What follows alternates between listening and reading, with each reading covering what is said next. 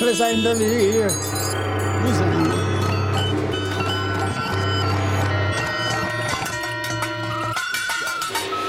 Ja, laat de bel maar rinkelen en het geluidje maar zijn werk doen, lieve mensen. hey, we gaan weer zitten voor twee uur. Oh, dat begint goed. Ik nu al kriebel in de keel. Oeh, vervelend, heel vervelend. Uh, laat ik maar dan snel aftrappen. Het is praattafel 143 alweer. Ja, je gelooft het bijna niet. En uh, het is vandaag dan ook uh, 8 augustus. Uh, en dat gaan we allemaal uitleggen in het uh, Kun je dat geloven, is het van... Nee, nog niet. En dadelijk, en dadelijk veel meer daarover. Lieve mensen, welkom centralisten, alle streamers, trolls in de chatroom en onze podcastfans. Het is 8 augustus 2023 in het corona-scene en dit wordt de 143ste praattafel. Radio Centraal presenteert de praattafel. Uw afspraak voor een goed gesprek. Is van Mario en uw favoriete Chris. Zeker weten. En we hebben een gast aan tafel. Dus, maar in elk geval, mijn naam is Istvan Lelussi. Ik bevind me in Oudbergen. Uh, u hoort aan mij dat ik een inwijkeling ben. Ik heb nou geen typisch Vlaams accent of zo. Maar in elk geval, namens mij... Uh, alweer een regenachtig, een beetje winderige, koude dag in Bergen. Heel hartelijk welkom. En vanuit Rotterdam ben ik er ook weer, Mario Reget. Uh, ik, het gaat ik, zeker een leuke uitzending worden. Vooral omdat het hier prachtig weer is. Het zonnetje schijnt. Aan het stijgen. Uh, en het zomergevoel komt weer een beetje boven. Ja, en je favoriete Chris is er deze week weer bij. En op mijn scherm staat 16 graden en bewolkt. Ik voel me ook zo'n beetje. Maar ondanks dat gaat het inderdaad een leuke aflevering zijn. Hé, is het van, zo is het, hè? Dat, dat uh, zal je maar uh, je weeën gebeend als het niet zo is. En onze gast, Filip, alweer de tweede keer op rij. Een seriële ja. gast, welkom. Dankjewel. Het was vorige week heel uh, fijn om er terug eventjes aan mee in te stappen. En uh, ik heb al zelfs enkele regendruppels gehad daarnet op weg naar de praattafelstudio. Dus het uh, weer van Mario ben ik jaloers op. ja. Oké, okay. nou weet ik niet of dat van hem naar ons toe gaat komen... of dat ons weer naar hem toe gaat kruipen. Maar uh, dat zullen we nooit weten. In elk geval, de chatroom is open. Praattafel.be, schuine streep chat. Of de rode knop op praattafel.be. Dan kan je om 12 uur ook weer meedoen aan de quiz. En uh, praattafel, ja, de quiz van onze Chris natuurlijk. Dat is om exact 12 uur. En ja. vandaag uh, refereerden we al dat het 8 augustus was. Want daar is van alles mee aan de hand volgens mij. Chris? Ja, inderdaad, het is 8 augustus. Het is trouwens de 220ste dag van het jaar. Oeh. En hebben we dus nog uh, 145 dagen te gaan totdat we het eindjaar mogen vieren. Maar er is inderdaad vandaag in het verleden van alles gebeurd. Bijvoorbeeld in 1786 is de top van de Mont Blanc voor het eerst bereikt. Vraagt me niet door wie, want dat stond er niet bij. En ik heb het ook niet gegoogeld. Maar dat is wat. De top van de Mont Blanc is bereikt. In 1837. De Hollandse IJzeren Spoorwegmaatschappij wordt dan opgericht. Vandaag komt deze dag. En in 1876 Thomas Alva Edison verkrijgt het octrooi op de stencilmachine. Oké. Okay. Ken je dat nog? Is ja, die heb ik nog gekend. Ja, ja. Ja, ja. Voor aanlopen draaien. Oh, ja. Slingeren, slingeren. In 1956 was de mijnramp van Marcelina. Uh, een brand in de koolmijn in Le Bois de Xazier in Marcenil eiste 262 doden. Dat was toen uh, uh, ja, groot nieuws, maar ook geen binderend groot nieuws. In 1963 de grootste treinroof in Engeland. Meer ja. dan 2 miljoen pond. Dat was ook... Roy Biggs. Ja, ja, ja, op deze dag. In 1964 de Rolling Stones treden voor het eerst in Nederland op. Maar het concert in Kurkhuis in Scheveningen wordt snel afgebroken na gewelddadigheden. Ja, want daar roeren die mensen echt op, hè? Ja, ja. ja. ja, ja. Leuk. Um, 1969 fotograaf Ian Macmillan maakt een van de meest iconische foto's uit de muziekgeschiedenis door de Beatles vast te leggen op het zebrapad van de Abbey Road in Londen. Dat was Ja. ook eh, Oh, ja. vandaag. Vlak buiten de Trouwens- studio daar. Ja. Ja. Ja. Vandaag is het de Internationale Kattendag. Dus, Oké. dus als je eh, een kat ziet of zo, pak ze vast, aai ze. Voilà. Ja, dat dat is is er heel blij mee zo te horen. Ja. Eh, morgen is het de internationale dag van de inhe- inheemse volkeren. Oké. Ja, ik weet niet wie dat, want wij zijn ook een inheems volk. Wie, van- wie van ons hier is inheems, überhaupt? Want eh, jij bent Hongaars van Hong- Ik heb ook Hongaarse roots. eh, Mario Italiaans. Maar ja, ik heb een ben- DNA laten uitzoeken. zo- Het komt van alle kanten, hè. Ja. Ah ja, dat is waar. Volgens Ja, mij maar moet dat ook eens laten. Centraal-Europeaan, dus... eh, Oké. Een donderdag is het de internationale dag van de biodiesel en de internationale dag van de leeuw. Want die heeft ook een dag nodig, vind ik. Oké. Zaterdag is het de internationale dag van de jeugd. En natuurlijk, hij kon ook niet achterblijven, is het de internationale dag van de olifant. Ja, blijkbaar heeft hij ook een dag nodig. Ja, en zondag is het de dertiende internationale dag van de linkshandige. Nee, wacht. De- niet de dertiende, maar zondag de dertiende is het de internationale dag van de Ja, linkshandige. je zou denken zaterdag. Nee, eh, ja, ja. Ja. Vrijdag Nee, de nee, de- 13e. Ja, ja. Nee, nee, het is zondag de op een- dertiende. Ja. En, en waarom op de dertiende, denk je? Het enige idee, iemand? Lucky number, ik weet het niet, 1308, en een jaargetal of zo, weet ik veel. Nee, nee, het is omdat ongeveer 13% van de wereldbevolking linkshandig is. Vandaar Oké. de datum. Oké. Ja, nou, Voilà. de- ja. Dat was het zo wat voor vandaag is. het dan. Ah, oké. Nou, dan ga ik maar gauw even een opleiding geven van wat ons te wachten staat hier. In het nieuws dadelijk het eerste blokje over de grootste doorbraak ooit. En over watervergiftiging. Ja, we hebben het eerder over gehad, maar eh, nu is het echt. In biomimicry, bladeren en wat die doen met water. En wellicht ook iets over het grootste beest ooit en, en wij op een chip. Nou ja, je, houdt het niet voor mogelijk. In pek en veren, Wim Hof, Hoensen en wij. Kort. Eh 12 uur is het de quiz van onze favoriete Chris... met alweer trivia uit de vorige eeuw, zeg maar. Het is een beetje onze periode, dus alle luisteraars boven 50 Ja, moeten zich heel jezelf, goed kunnen voelen. Jazeker. Ja, in gedicht erbij ka- kat en wat gekrap over katten, over krabben over katten. En dan tot Ja, slot in het... eh, internationale dag van de kat is, hè. ik dacht ik ga dan een gedichtje over een kat doen. Nou ja, heel origineel, joh. Ik zou er zelf haast niet opkomen. En dan eh, eh, besluiten we, zoals elke podcast in de of elke aflevering van deze radioshow op Radio Centraal, besluiten we met een blok goed nieuws. En dan hebben we het onder andere over een schokkend concert en Hela cellen. Hela, dus dan weet je allemaal wat er op je te wachten staat. En we hebben natuurlijk ook nog iets met Cosmos. Maar dat, eh, wie weet is daar dan ook nog eh, een plekje voor. Ah, de- ja, dit is een nieuw format. Dat ben ik even vergeten. Hè? Dat ben ik even vergeten. Je hebt het goed. Maar, eh, maar zo als een team komen we er helemaal uit, jongens. Even nog een keer deze.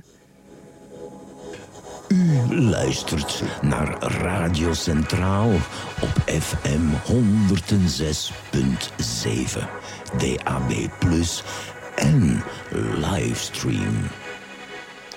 En we hadden Goed natuurlijk zo. ook nog een biomimicry. Maar die hoort, er komt er ook nog bij.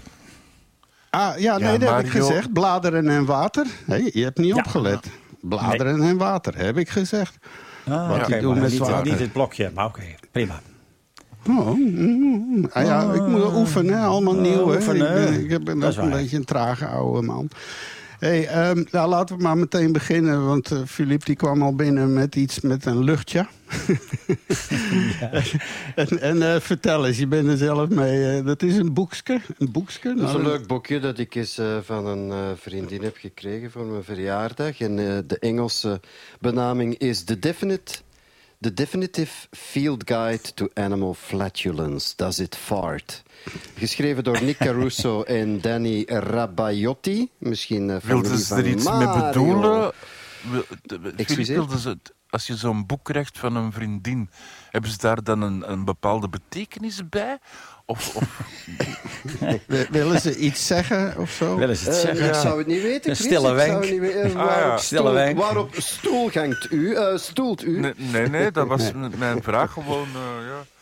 Nee, helemaal niet. Nee, hij, hij ruikt heel fris. Ik, ik zit hier met hem live in de studio. Ten, Ik ten moet zeggen, mijn twee tienerzonen en mijn echtgenote... die, eh, die, zijn, die championen mij eh, met, het, eh, met het scheten laten, hoor. Dus ik ben eigenlijk een bescheiden sche- scheiter. Scheter, scheterlater. Een bescheiden. Ehm, maar het is meer omdat, omdat ze ook weten dat ik van het quirky en van het eh fait divers hou, denk ik. Aha. En eh, hier staat een mooie opsomming van allerlei dieren. En een, eh, een academische benadering met in de vorm van een humoristische... Ja, eh, per pagina bespreken ze een dier, uitgestorven al dan niet. Ehm, om maar eens bijvoorbeeld te zeggen... ehm, ze openen met de haring bijvoorbeeld. En dan is de vraag, does it fart? En technisch gezien kan je zeggen, ja, hè, dus een haring laat een scheet. Ehm, Want een haring heeft, hè, neemt, neemt lucht in de zwembladen, eh, blazen op. Ja, in de zwemblazen op. En via hun anale uitlating ehm, eh, hebben ze een repetitieve... ehm, ja, ze, ze, Bolletjesstroom. ze, ze, ze, ze, ze scheten eigenlijk ritmisch. Oké. En eh, er is ontdekt dat het eh, ongeveer eh, 0,6 tot 7,6 seconden kan duren. Oké. Dus er zijn korte, repetitieve... ehm, en ze noemen het FRT's. Fast Repetitive Ticks. En de frequentie is, is belangrijk. Hè. Eh, zitten Samplen, hier- samplen. Ja, een ja. stuk of Ja, verschillende. kan je misschien En nog een Als je het wil, wil, wil samplen, zit het rond, eh, rond iets hoger dan onze stem. Dus eh 1,7 kilohertz. Ja, ja. Tot vrij hoge pitch, 22 kilohertz. Die zijn wij al kwijt. hè. Ja, maar van- met AI, eh, met voice en eh, de pitch transformer. Ja, nou maar wat is de. BPS? En het blijkt, wat is de het blijkt ook een BPS? functie te hebben. Dus, hè. dus eh, ze tikken meer. Ze, hun hun Ja. tikken, eh, komen, er komen meer tikken als ze in grote groepen zwemmen. Ah, oké. Dus, we, dus de wetenschap Grappig. denkt dat er, dat er een soort van misschien zelfs... Ja, ze communiceren eigenlijk zoals wij hier, uit onze aars. Dat doet me iets denken. Ik heb één productie gedaan bij Chambre d'Action waar ik werkte. Dat was zo experimentele en moderne muziek. En er was één stuk, dat heeft Mario ook gezien. Daarvoor moesten we een eh, aquarium op podium zetten. En daar hingen dus twee eh, onderwatermicrofoons in, hydrofoons. En op een gegeven moment moest er een klarinetist een solo doen... maar in, in dat water blazen. Maar nu denk ik van, vergeet die klarinetist, we kappen daar een stel haringen in. We zetten die microfoons eh, met 32-bit smart technology en daar is je concert gewoon. En dus de, om te besluiten met de haring, ze hebben ook een geheime, en dat vind ik fantastisch, een geheime scheetcode. Dus, dus ze communiceren met elkaar. En er zou ook, en de wetenschap denkt ook dat eigenlijk eh, zoogdieren die op haring jagen, maar ook mensen, eh, kunnen dat scheten horen. En er wordt gedacht dat sommige zoogdieren die eh, in de zee hun, hun, hun, hun, hun eten halen, of, of vogels die duiken, die dus die tik, die fast repetitive tics kunnen horen en haring kunnen opsporen al dus.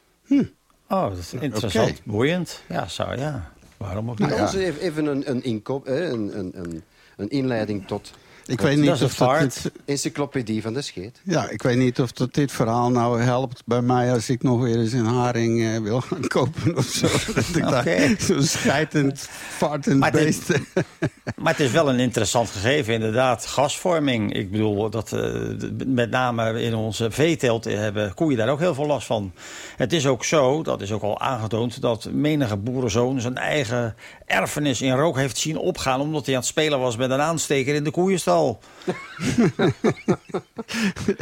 Ja, dat kan maar zomaar een woemp zijn. Ik zag Ja, vannacht een, een videootje op eh, YouTube... waarbij een soort eh, een, een korn, een, dus een mais-silo... die stond bovenop een ander gebouw. Die was dreigde aan het instorten. Op een gegeven moment stond die helemaal. Er kwam dus een stofwolk en die mensen stonden gewoon te filmen. Maar daaronder stond een auto die nog met een hete uitlaat. Dus die wolk van zo'n 30 Ach, ja. meter, eh, dat werd in één klap één grote Vuurbal. vlam. eh, eh, dat was echt stof, stofexplosies en zo. Mensen denken, ja, het is maar stof, hoe kan dat nou exploderen? Maar, Dat is levensgevaarlijk. Als, neem, neem maar als je bijvoorbeeld, dat is een leuk experiment voor in de tuin. Pak, pak een pot van met Oh eh, koffiecreamer. oh koffiecreamer, je kent het, wat die poedermelk die je in de koffie kan gooien. Smijt het omhoog en hou er een vlammetje bij. Ja. Dan, dan, dan, dan heb je een goede kans dat je ook zo'n explosie hebt. Want, want het is een natuurkundig Eh, mensen, verschijnsel. doe dit vooral niet. Don't doe try dit niet. home, kids. Nee, nee. kijk als- op YouTube je- en zo. En zie dan ook alle brandwonden. Gewoon niet doen. Ja. Als, als je begint te oefenen met vuurspuwen, dan, dan de meesten die gebruiken eerst van die CC-melpoeder. En dat blazen ze dan uit met je, en dat zou ook vuur vlammen. Dus Nou ja, oké. dat is een beetje hetzelfde, hè? Ja, Ja. ja. Ja.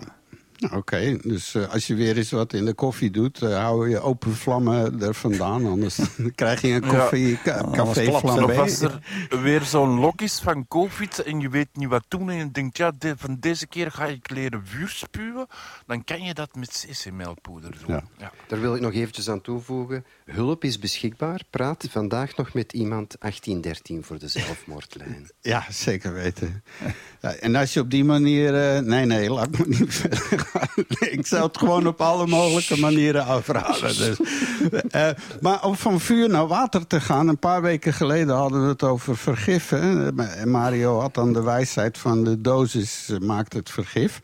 Eh, Ja, dat dat is eh, dat is een bekende kreet van meneer Paracelsus uit de middeleeuwen.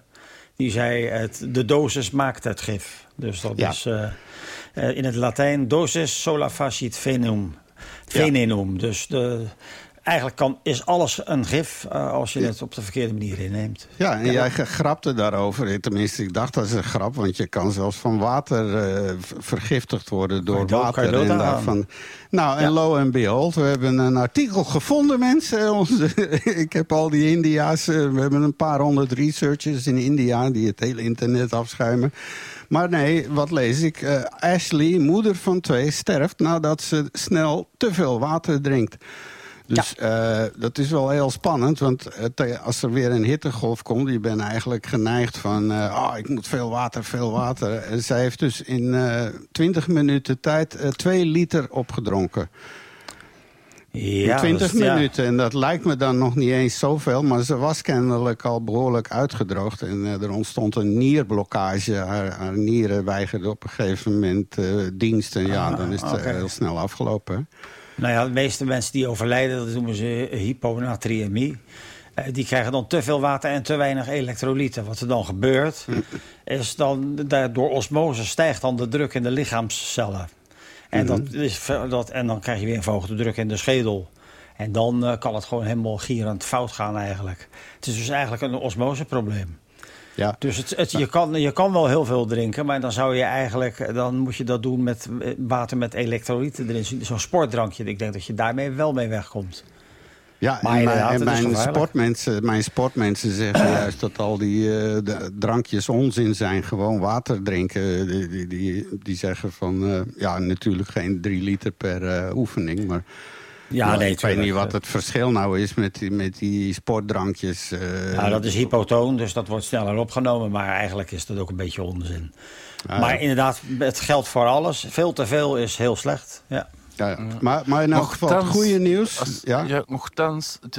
voordat er mijn, mijn ehm, diabetische dingen was vastgesteld, de avond ervoor zelfs, ehm, kwam ik terug van de Nederlandse supermarkt met eh 2 liter en half melk, 2 liter en half eh, appelsiensap.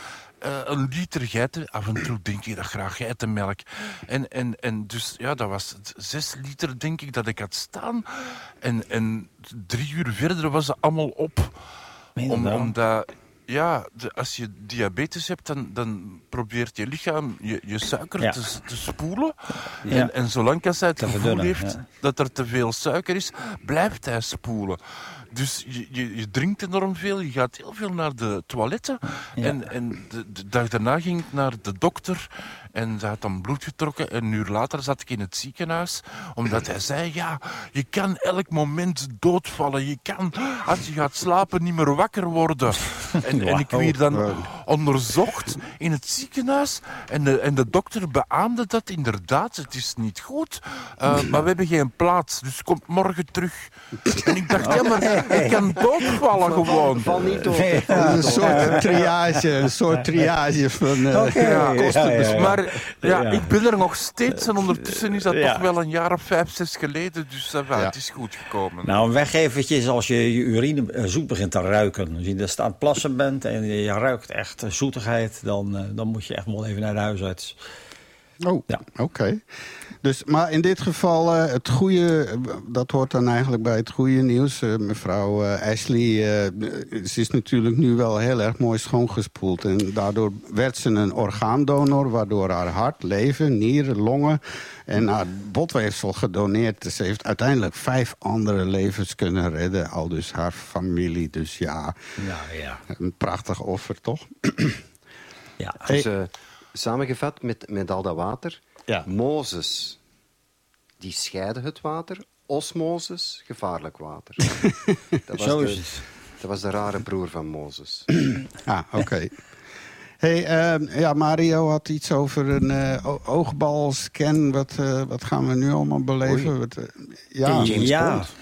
Nou, het is inderdaad eh, het is een beetje een, ja, de cryptovaluta. Hè? Je hebt natuurlijk de, eh, hoe noem je dat ook alweer? We hebben natuurlijk meneer Altman, eh, de, de grondlegger van AI. Die, die wil dus, Sam Altman is dat, die is de CEO van OpenAI. Die wil een, world, die wil een, eh, een nieuwe crypto eh, in de markt brengen, de WorldCoin. En eh, het idee is dat een hoop mensen al voor al een klein startkapitaaltje gratis kunnen krijgen als ze dus hun iris-scan inleveren. Dat is een soort Uber Big Brother is watching you. Eh, en uiteindelijk eh, heeft hij zelfs 115 miljoen eh, opgehaald. Onder andere Blockchain Capital en een heel, een hele hoop van dat soort clubjes. Bain Capital. en ja, Grote jongens. En, en hebben al twee- 2,2 miljoen mensen bij zich aangemeld. hele, hele dorpen in Afrika die, die, die amper internet hebben. Hij wil gewoon data. Het is een datahorde geworden. En dat, dat zou dan Ja. de bitcoin als wereldmunt zou dan zeg maar een, eh, een, een gamechanger moeten zijn. Moeten we allemaal nogal zien. En wat ik al zei, in Kenia is het inmiddels al verboden. En ook in Europa zijn er zorgen dat, dat mensen eh, toch wel erg kwetsbaar worden als ze dus hun eh, iris-scan, eh, hun iris, biometrische irisgegevens, eh, zeg maar, op, de, eh, op straat gooien, zal ik maar zeggen. Dus ik vond het best wel een interessant verhaal. Want die man, Sam Altman, is natuurlijk niet, eh, eh, niet de minste. Het is de baas van OpenAI en de oprichter. Ja, ja. Ja, zeker. En, eh, en, ja, Musk die draait natuurlijk nu alle kanten op. Want eh, hij heeft nu gezien dat er een eh, concurrent is met dat Threads. En hij is nu eh, Twitter aan het... Dat, het is nu effectief X ja. geworden. Ja, er werd ineens X op mijn telefoon. Ja, X, eh, X.com. Eh, want Ja. het is zijn droom om Oh, het, het voorbeeld van Weibo te volgen. En Weibo, dat is zo'n soort Ja, de- Facebook meets Twitter, meets dating, meets marketplace, meets Oh, ja. eh, Bitcoin. Dat is zo'n Chinese app en alles, alles in één app. En inderdaad, 80% van de Chinezen brengen een hele dag door op Weibo. En het was altijd al eh, de droom van Elon om eh, met X.com daar de, de- zijn westerse ja. versie. want, want al die, die apps die willen maar niet doorbreken in het westen eigenlijk. Nee. Met die Weibo kan je ook betalen. Hè? Dat is ook een WeChat. Ja, daarom. Het is alles, zelfs dating. Je kan dus gewoon daten en meteen afrekenen. Of, Dus als ik Dat een, weet- een, dat kan ook bij dame wil... Dus als ik een Chinese dame wil, dan moet ik de Weibo eh eh, Weibo. Ja. Ja. Ja. Dus ja, en, eh, nou, en ik, ik kreeg een ander artikel doorgestuurd... en dat zou echt een aardschok zijn. Maar dat moeten we misschien uitleggen, want eh, in Korea eh, beweren ze dat ze... Ehm, dus, uh, hoe heet dat? Su supergeleider hebben gemaakt. Dat is, een, uh, dat is een spul wat elektriciteit gewoon geen enkele weerstand biedt. Dus dat wordt ja. niet warm en... en want, uh, heb, ik ja. ook veel, ja, heb ik ook een filmpje van mijn favoriete um, Canadese, Russische mm -hmm. YouTuber. Anton Petrov, misschien kennen jullie die wel. Ja, ja. En, heel interessant.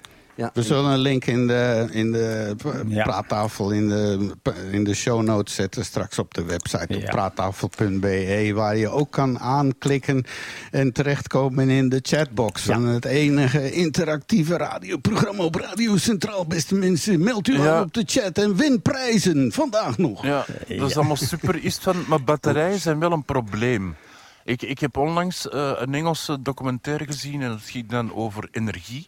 En de eerste aflevering ging over elektrische auto's. En, en Engeland heeft zo, gelijk België, uh, 2030 moet alles elektrisch zijn. En de, de mensen die er iets van weten, die zeggen dat gaat niet gebeuren. Er, er, zijn te weinig batterijen, er zijn te weinig laadpalen. De mhm. capaciteit om te laden is ook nog te weinig. Maar vooral de batterijen waren een probleem. Mhm. Want het blijkt dat in de Engeland, die had een, een heel groot plan, een jaar of vijf geleden, om de grootste batterijfabriek te bouwen in Engeland. Zij wouden de wereldleider van batterijen zijn. Eh, en, en het is niet gelukt, gewoon omdat... Uh, ja, grondstoffen. Uh, de, ja. grondstoffen de zitten grondstoffen, allemaal in ja. Poetin zijn voortuintje. Dus uh, die man die blijft dan de macht. Ja, en in Afrika, onder controle van uh, allerlei vage strijdgroepen en terror, terroristen. Ja, ja, er zijn negenjarigen uh, uit de diamantmijnen gehaald om in de lithium en in de kobalt en in de... maar wat gewoon nieuws is... stoffen wel kunnen, kunnen benoemen. Ja, maar wat wel goed nieuws is dat in Noorwegen een hele behoorlijke hoeveelheid lithium is uh, aangetroffen. Ja, dus die, dat is daar zijn ze mee bezig. En, en natuurlijk ook in de, de Balkan. Maan, natuurlijk, hè? Die willen nu een basis op de maan hè, voor uh, grondstoffen. ja. ja, die zijn ja. al druk aan de achterkant, maar zodat wij dat niet zien. Hè. Die hebben daar een karretje rondrijden op de achterkant ja. van de maan. Dat is ook al heel erg knap. En nu India gaat er dan ook bij horen. Die, hun raket is nu in een baan om de maan. En klaar ja. om uh, hun lander. En die willen op de pool landen. Want daar... kijken of er water is, ja. Ja, want als we dan een basis zouden doen, dan zou het daar zijn. Omdat je dan eigenlijk continu hetzelfde zonlicht hebt. Hè? Dus dat je niet... Mm -hmm. uh, stukken van de maan eh, langs de... Ja, dan zit je gewoon 15 dagen in het zwart en dan weer 15 dagen in de... Maar op de polen zou het dan nog te doen zijn, of zoiets. Ja, ja. Maar die supergeleider, ja, dat is, dat is wel veelbelovend. Hoor. Want daar, daar zijn ja. ze al, uh, ik weet niet hoe lang naar op zoek. Ik, was, ik weet Zeker. nog, er was een gigantische uh, opstoot jaren geleden... met die twee flessen, die twee wetenschappers die, Ja. die, die, die dat beweerden. Ja, en, en de hele wereld stond op zijn kop en zo. En dat ja, dan achteraf... Fraude, hè? Ja. Maar dat is ook met dit. Er is ook best wel veel discussie over dit artikel. eh, Want hun paper laat een hele hoop Ja. details achterwege. En het is natuurlijk zo dat dit hele verhaal je om de haverklap wel voorbij hoort komen. Maar Ja. het is heel eenvoudig. Als je zoiets claimt, dan komt het in, die, in dat handjevol officiële bladen. Denk aan de Lancet, Geo, Nature. Daar word je geacht zeg maar, je wetenschappelijke publicaties te doen. En wat er dan gebeurt, dan komt de peer reviewing. eh, Die, die gaat exact jouw onderzoek nadoen. Want je moet alles beschrijven tot op het merk van het ma- ma- magneetroerdertje. En, eh, en, eh, en natuurlijk, eh, het wordt ook gecontroleerd ja, door al die andere groepen die ook met, hiermee bezig zijn en die naast de boot grijpen. Dus die proberen een gat in jouw onderzoek te schieten. Eh, en als het echt ge- geaccepteerd wordt door de peer review commissie, dan is het wetenschap. Maar, maar verhalen in YouTube en in de krant van eh, supergeleiding is hartstikke leuk. Maar dat, zolang het niet in die bladen staat, kan ik dat nooit serieus nemen. Wat ik wel mooi vond van een aantal... supergeleiding? Ja, nee, ja, ik wou Ah. alleen maar weten, die supergeleiding. Wa- Wat hebben ze daar dan voor nodig? Voor? Nou, omdat... Nee, nu, moet, nu kan dat doen. Want wat is supergeleiding? Dat is eigenlijk eh, dat is een aggregatietoestand. We, we kennen de vier, vast, eh, vloeibaar, eh, eh, vast, vloeibaar, eh, gasvormig. En de vierde toestand is dan plasma. Maar je hebt ook een aantal, aantal exoten, zoals het Bose-Einstein-condensaat, allemaal heel ingewikkeld. Maar ook supergeleiding, dat is ook een aggregatietoestand. En dat is het punt waarop zeg maar, alle, alle weerstand in een materiaal verdwijnt.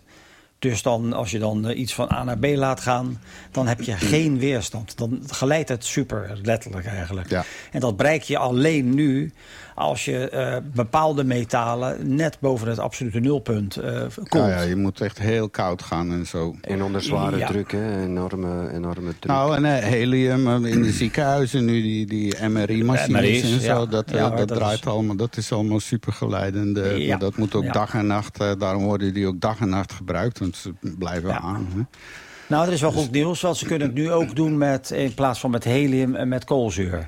En dat Ja. is tien keer makkelijker eh, ook om te, te beheersen en noem het maar op. Maar goed, maar die supergeleiding, ja, dat, dat, eh, als, als dat, eh, dat, zou het ei van Columbus zijn als dat op kamertemperatuur zou kunnen. Maar dat, Ja. daar is men al heel lang mee bezig. Maar, maar dan een positieve noot eraan. En dat vond ik ook heel interessant in die Anton Petrov-analyse. Het is wel mooi dat er over gesproken wordt. Hè, zodat jonge mensen ook dat eh, supergeleiding-verhaal volgen. Zodat er hopelijk toch flink op zoek naar gegaan wordt. Want het zou wel Ja. eh, perfect zijn voor de, voor de energievoorziening op aarde natuurlijk. eh. De Zeker. telefoon die een maand meegaat zonder op te laden. Want als die niet warm wordt, want het is Ja, het onze, warm onze worden. energieproductie op aarde verliest, hè, dus, Ja. verliest een hoop troep. Hè, dus, dus om elektriciteit van A naar B te doen, ben je ook met een enorme overheadkost aan allerlei elektriciteit die je verliest, omdat die geleiding via ceramiek en, en koper enorm veel verliest natuurlijk. Ja, uiteindelijk van centrale naar je gloeilampen blijft eh 10, 10, 11 procent over. Van Ja. de rest eh, wordt onderweg gewoon verloren. Door, eh, Maar je hebt altijd verlies eh, met van warmte. Dat is in Ja. alles zo. Dat is, Ja, dat in zou documentaire, dan het- In daar die zou dan het documentaire over die, winst zitten. Ja.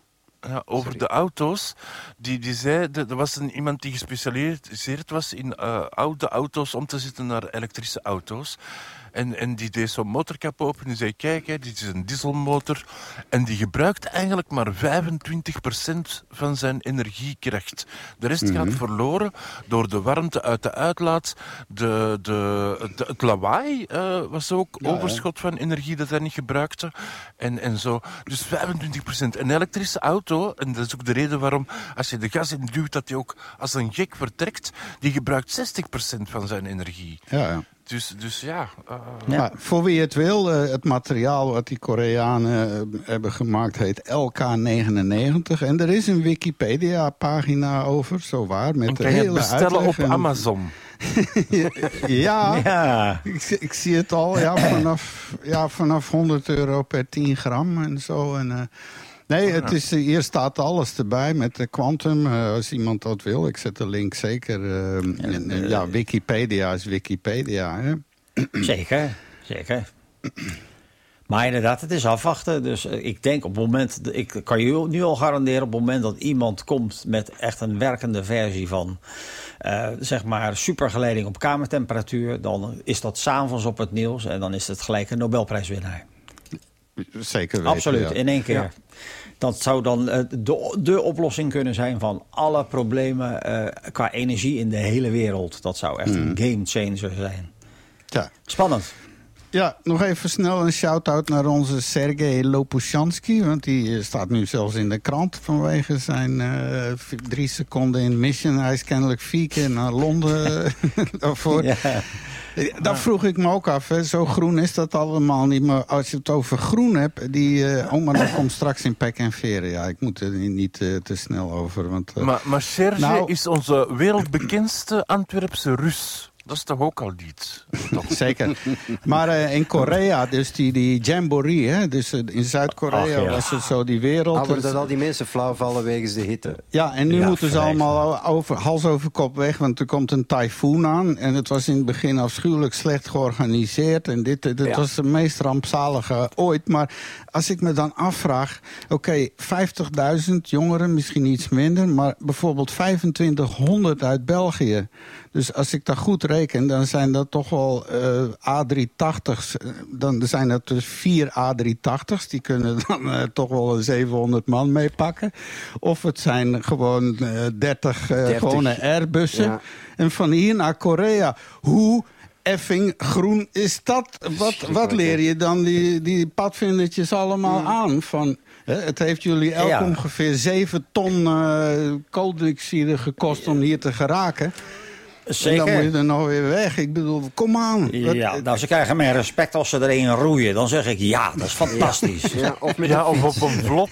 Ja. Een vlot in elkaar vullen met stambomen en zo. Ja. Of masseren, echt masseren met zo'n rugzak en een vlaggetje. En, en, en liedjes zingen, liedjes Ja. zingen, heel de tijd. En, en dan horen we er in hun 2030 wel hoe het geweest Oké, ja, wacht even hoor. Dan gaan we naar... eh ja, dat, dat. Radio Centraal. Ongehoord. Mario verdwaalt in het land van bio. Zo. En andere binnenkomer. Ja, Eh, zeker. Even officieel doen, maar even officieel. Biomimicry. Wat we kunnen leren van de natuur. Yes, ik zou zeggen... go Ja. again. Nou, ik wil het deze week hebben over eh, de boom en de drol. Juist. De titel van de aflevering hebben we. Ja, de boom en de drol. Als je kijkt naar bomen, dat zijn best wel bijzondere organismen, vind ik. En ze kunnen heel groot zijn. Om precies te zijn, de grootste, dat is de Hyperion. Eh, die staat in Amerika, dat is de Sequoia sempervirens. Eh, een mammoetboom wordt die ook wel genoemd. In, eh, of redwood, dat is ook weer zo'n naam daarvoor. En die is, de grootste is dus 115 meter hoog. 115 meter, dat is gigantisch. Het is, als je daarbij staat, ik ben ooit in zo'n park geweest. Het is, je, je hebt eer, eerste 60 meter niks en daarboven beginnen de eerste bladeren. Het is eigenlijk een onvoorstelbaar iets. Maar sta er even bij stil. Probeer jij maar eens met je tuinpomp eh, en een tuinslang water omhoog te pompen naar 115 meter hoogte. Dat is nogal wat, hè? Dus dat dat is met wolkenkrabbers tegenwoordig. Dat, die betonpompen. eh, dat is gigantisch. Ja, ja. Ja. Maar hoe doet zo'n boom dat? Dat is toch wel heel bijzonder. Nou, je hebt, dat, dat zijn een aantal mechaniekjes. Je hebt dus osmose, die zorgt ervoor dat de concentratie van allerlei zouten overal gelijk moet zijn. Dat is, een universele werking. En omdat boven die verdamping plaatsvindt en waardoor die concentratie daar verhoogt, trekt dat water aan. Dat is een klein dingetje. Want bomen die vechten dus tegen de zwaartekracht. Eh, je hebt ook nog zuigkracht die ontstaat door de verdamping van water aan het bladoppervlak, de, zeg maar die huidmondjes. Eh, en eh, dat is eigenlijk de belangrijkste eh, motor. En dat, dus door die verdamping uit in die huidmondjes ontstaat dus onderdruk. En dan wordt het hout- water uit de houtvaat als het ware opgezogen. En dan heb je de capillaire werking van houtvaten. Dat hebben we allemaal op school gehad. Dat is een, nog een kracht. En dan heb je ook nog de aantrekkingskrachten tussen watermoleculen onderling. Dat zijn de zogeheten waterstofbruggetjes. En dat allemaal is voldoende kracht om inderdaad dat omhoog te pompen. En dat is best wel heel bijzonder. Ik weet niet of jullie dat toch kennen van, van school met de, de, kwikbuis van Torricelli. eh, de eerste barometer. En eh, dat, is, dat kan, ik kan me dat nog goed herinneren. Eh, dus als je dat Ik een beetje in de gaten hebt, is, als je dat inderdaad. maar als je dat ziet, dat is inderdaad ongelooflijk. Er is natuurlijk wel een maximum, want uiteindelijk het drukverschil neemt natuurlijk steeds meer toe naarmate de hoogte eh, steeds groter wordt. En op een gegeven moment zal die waterkolom gebroken worden. Dan krijg je luchtbellen en dan, dan, dan, dan stort het systeem in. Dus de hoogste takken die lopen eigenlijk in zo'n systeem eh, het grootste risico. Wat hebben we daaraan? Dan kom ik uit bij de iThrone.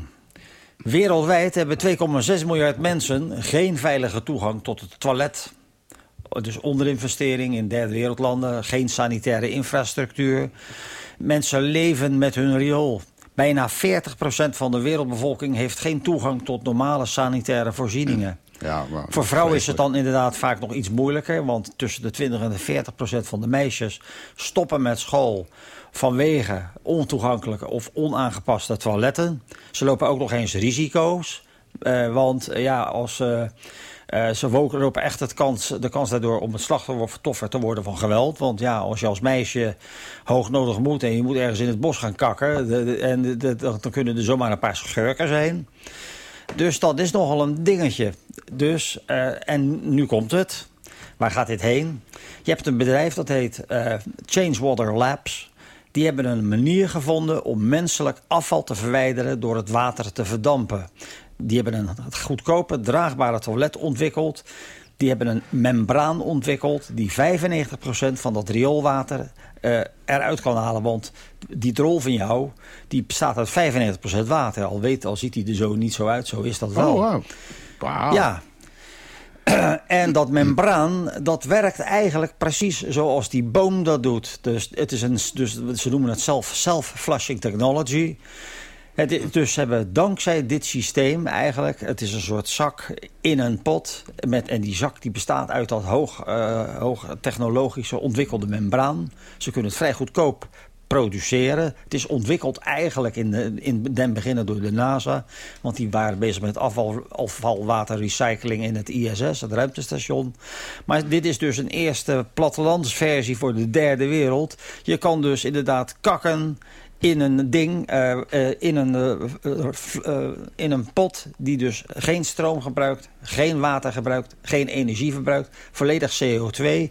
Je houdt een gorddroog mestpoedertje over wat je kan gebruiken eh, op het land. En eigenlijk is dat dus eigenlijk eh, een fantastisch nieuws voor de derde wereld.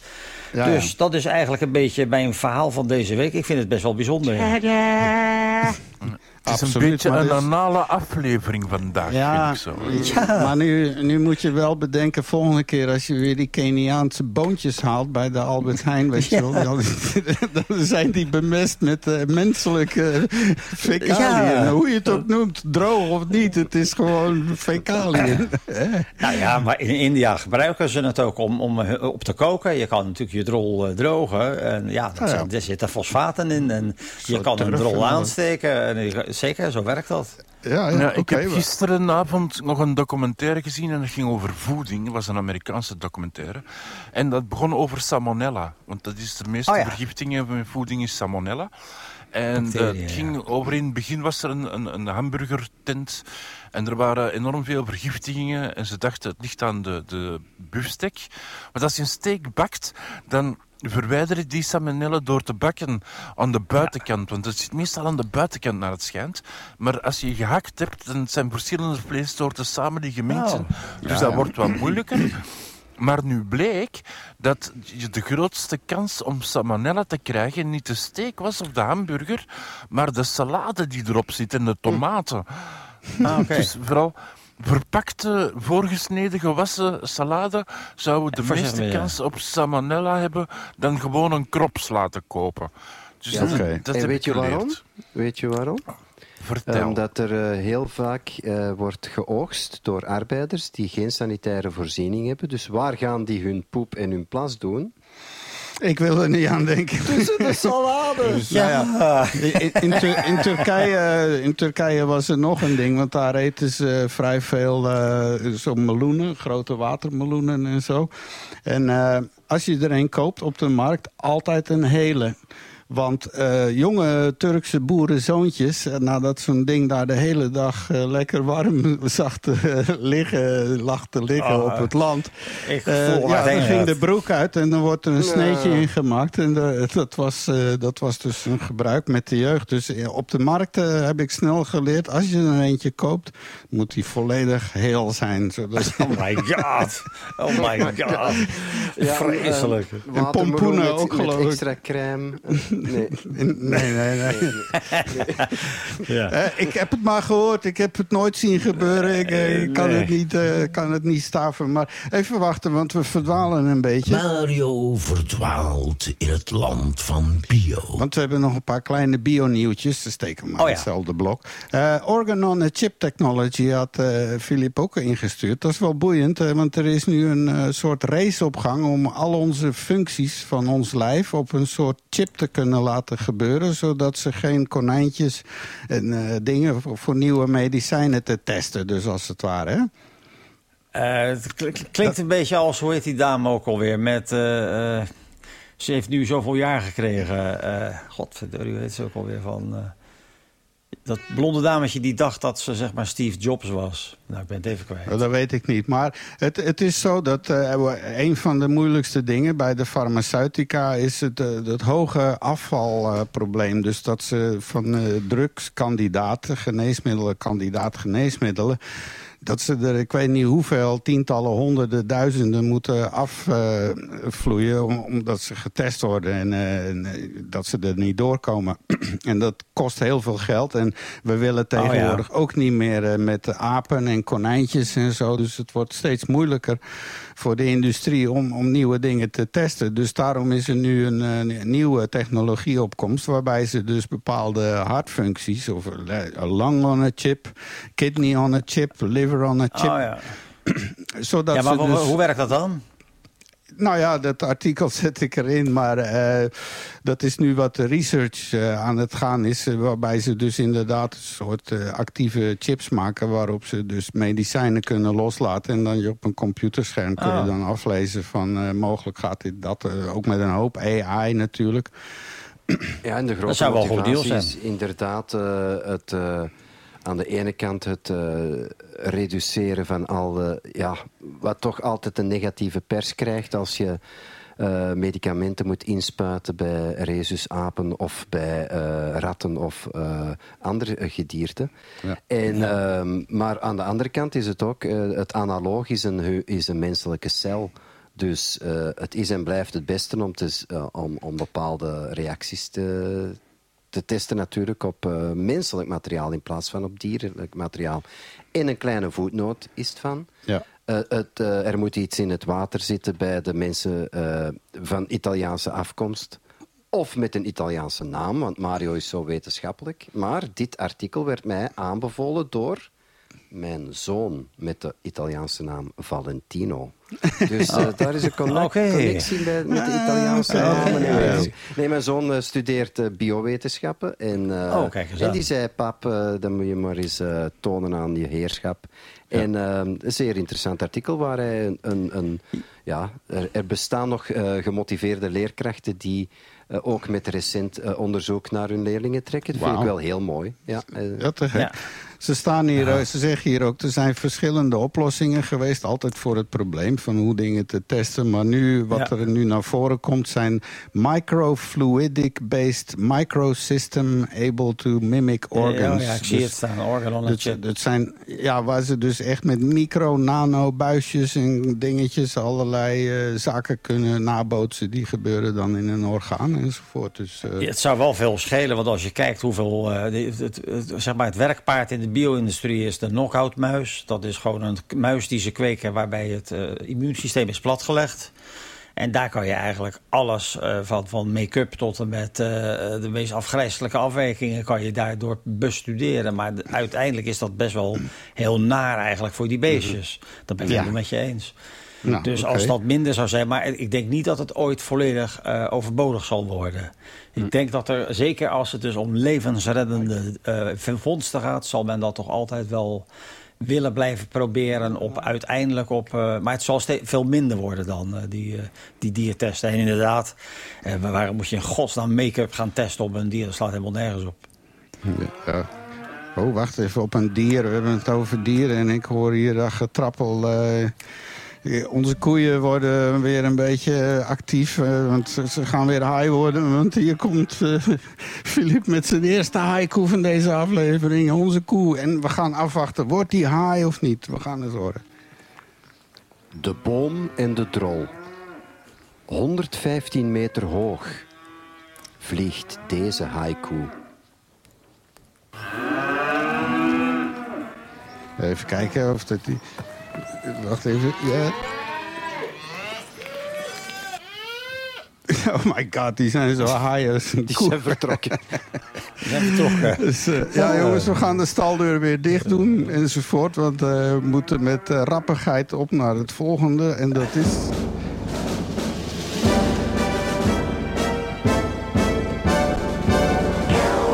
Pek en veren deze keer.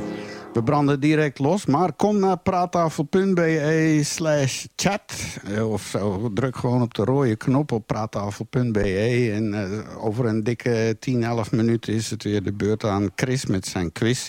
En wij verwelkomen nu graag aan tafel. En als je in de chatroom zit, kan je ook met ons communiceren, communiceren en bla bla doen enzovoort. Alles. Eh, ja, pek en veren. Ik had eh, eentje doorgekregen van een meneer Wim Hof. Dat is de ijs ijsman, dat is zo iemand die zich eh, altijd in, in ijs laat onderdompelen. En dan zou die niks voelen.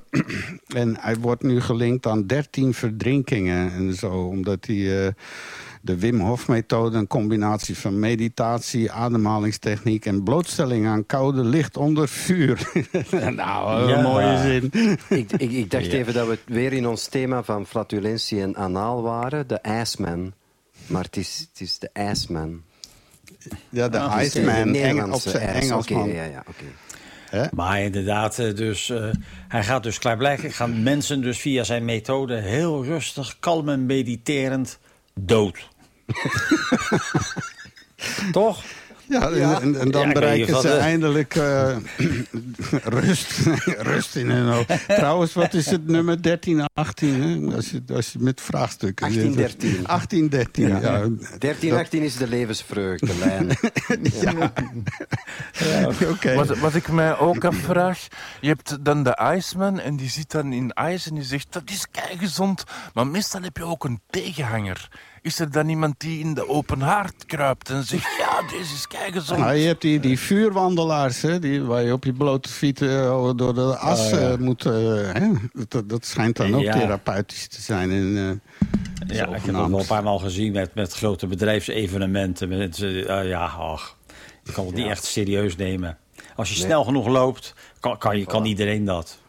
Ik heb dat ook eens op een eh, teambuilding moeten doen. Eh, ik heb eh, Ja. vormingswerker geweest in Antwerpen en we gingen ook vuur lopen. En ja, Oh my god. echt dom. Nee, nee, nee. De techniek die hij had ontwikkeld, waarbij je eerst gaat hyperventileren.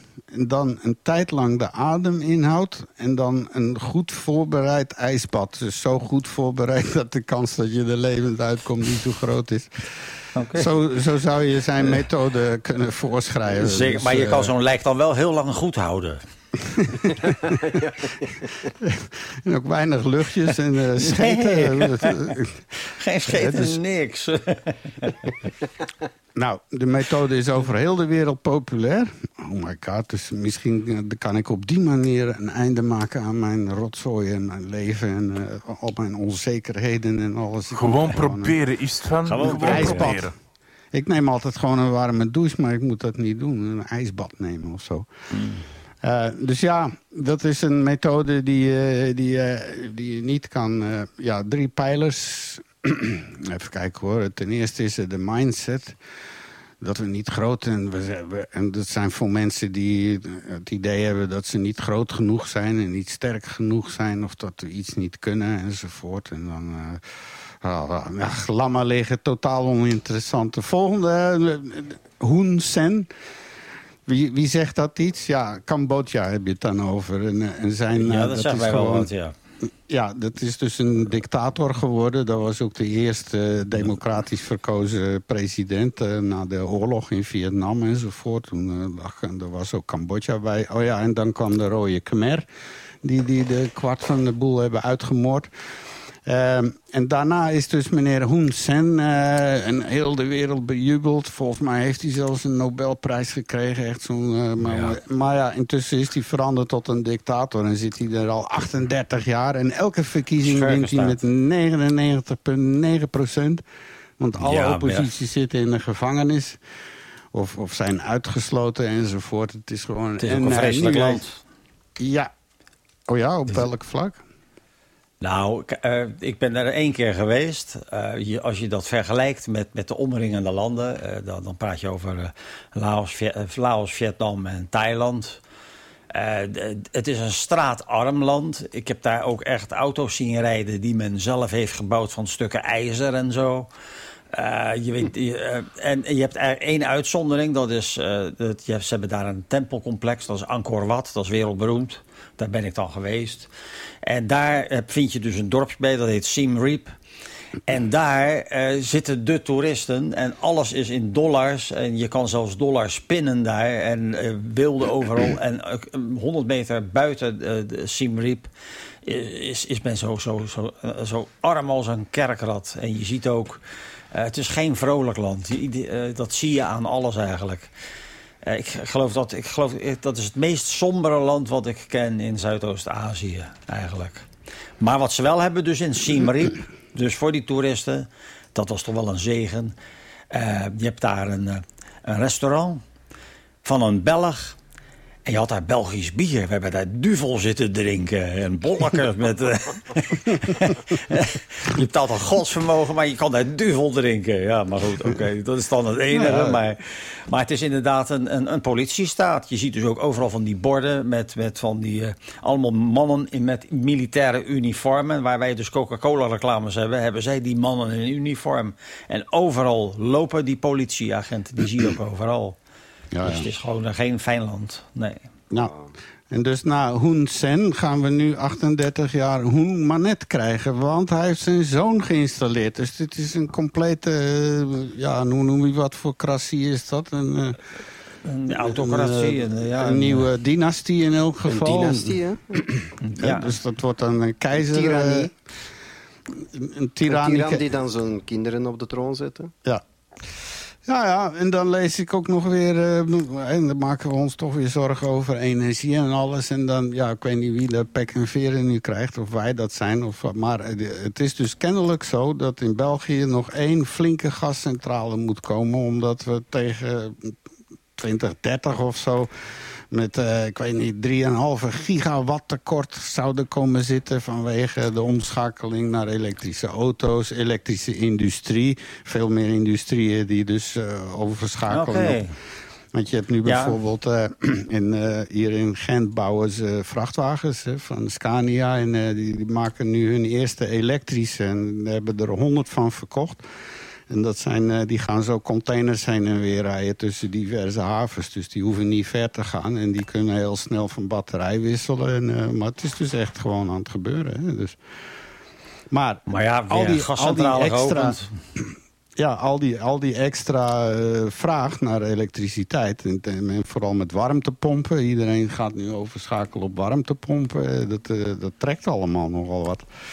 Ja. Dus ja, en, eh, dan moeten we dat opvangen met een extra gascentrale. Dus dat kan, kan ik toch niet helemaal volgen met het eh, Nou, dat ligt aan als ze het doen waar we het er net over hadden via de veeteelt. En afzuiginstallaties, dan kan het nog wel. Maar, maar dat is het nee. Dat is het vaart. ja. Al die dus. koeientroep, al die methaan. Ja. Maar het is inderdaad triest dat er inderdaad weer een gascentrale geopend wordt. Dat zie je Ja, trouwens ook in China. Er worden ook nog steeds kolencentrales geopend. Hè, on- ja, ondanks, in eh, Duitsland ja. met bruinkool. Hoort nog niet over, hè. Ja. Ja, omdat het allemaal met al die windmolens en al die zonnepanelen... dat het kennelijk toch maar niet genoeg is. eh, omdat er ook natuurlijk heel veel verloren gaat op de een of andere manier. Nou, wat ik ook jammer vind, is dat het niet gelijk Europees wordt gedaan. Want het is nu eigenlijk zo, dat geldt voor ieder land. Het is niet, eh, ieder land heeft tegenwoordig in Europa zonnepanelen en windmolens. Eh, maar niet altijd, want als de zon niet schijnt en het waait niet, dan, dan heb je niks. En opslaan is een probleem. Maar zou je een Europees netwerk hebben... het is natuurlijk wel zo dat er in heel Europa altijd wel ergens de zon schijnt... en altijd wel ergens hard waait. Dus zou je een soort Europees distributiesysteem hebben... dan zou dat Ja, best maar dat is er ook, hè. zijn. Want ze kopen tegenwoordig in op een eh, Europese markt, weet je wel. Ja, oké, maar, dat, maar, ja, maar Ja, dat bedoel ik dus niet. Wacht, ik moet even één klein ding... Nee, ja, wat bedoel je dan? Wat bedoel je dan? Ik moet even iets doen, sorry. Wacht even. Oh. Ja, ja. Hij Ja. moet eh, even wat gas kwijt, dat kan. Ja, de hiefwaarts. Ja. Oké. Dan komt, ja, dan komt eh, Philippe ook mee aan de praattafel in de chatroom. En, eh, en nogmaals een uitnodiging aan onze luisteraars. Eh, kom naar de chatroom, want dadelijk gaat het los. Oh, nou, het is al over twee minuten. Dus Ja. ja. nou ja, dat was pek en veren. Dan zou ik nog even willen reclame maken voor onszelf. Huppé.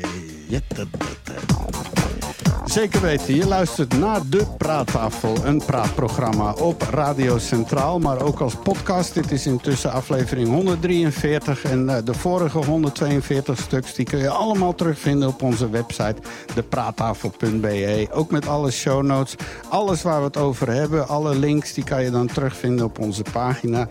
Eh, ook via Spotify, als je ons via Spotify afluistert, daar staat ook een linkje bij en dan kom je vanzelf ook weer op die show notes. Allemaal dat harde werk van onze honderden rijen um, Indiaanse medewerkers. Die, eh, die alle, altijd dag en nacht bezig zijn met research en follow-up voor onze zieken. Eh, vind ons leuk alsjeblieft. Kom naar de Praattafelpagina op Facebook. En dan ga je ons leuk vinden. Volg ons, eh, dan houden we je op de hoogte met nieuwtjes enzovoort.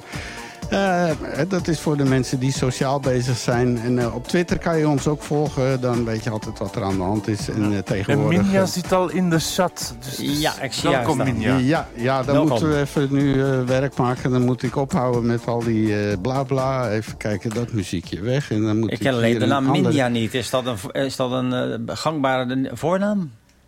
Dat is een, een vrouw die woont in Duitsland en die liked elke Facebook-post die wij posten. Ze is eigenlijk Oh, een, oké. een Oh, wat grote leuk. fan. Wat leuk. En, en, en ze schijnt ons programma met name te gebruiken voor het leren van Nederlands.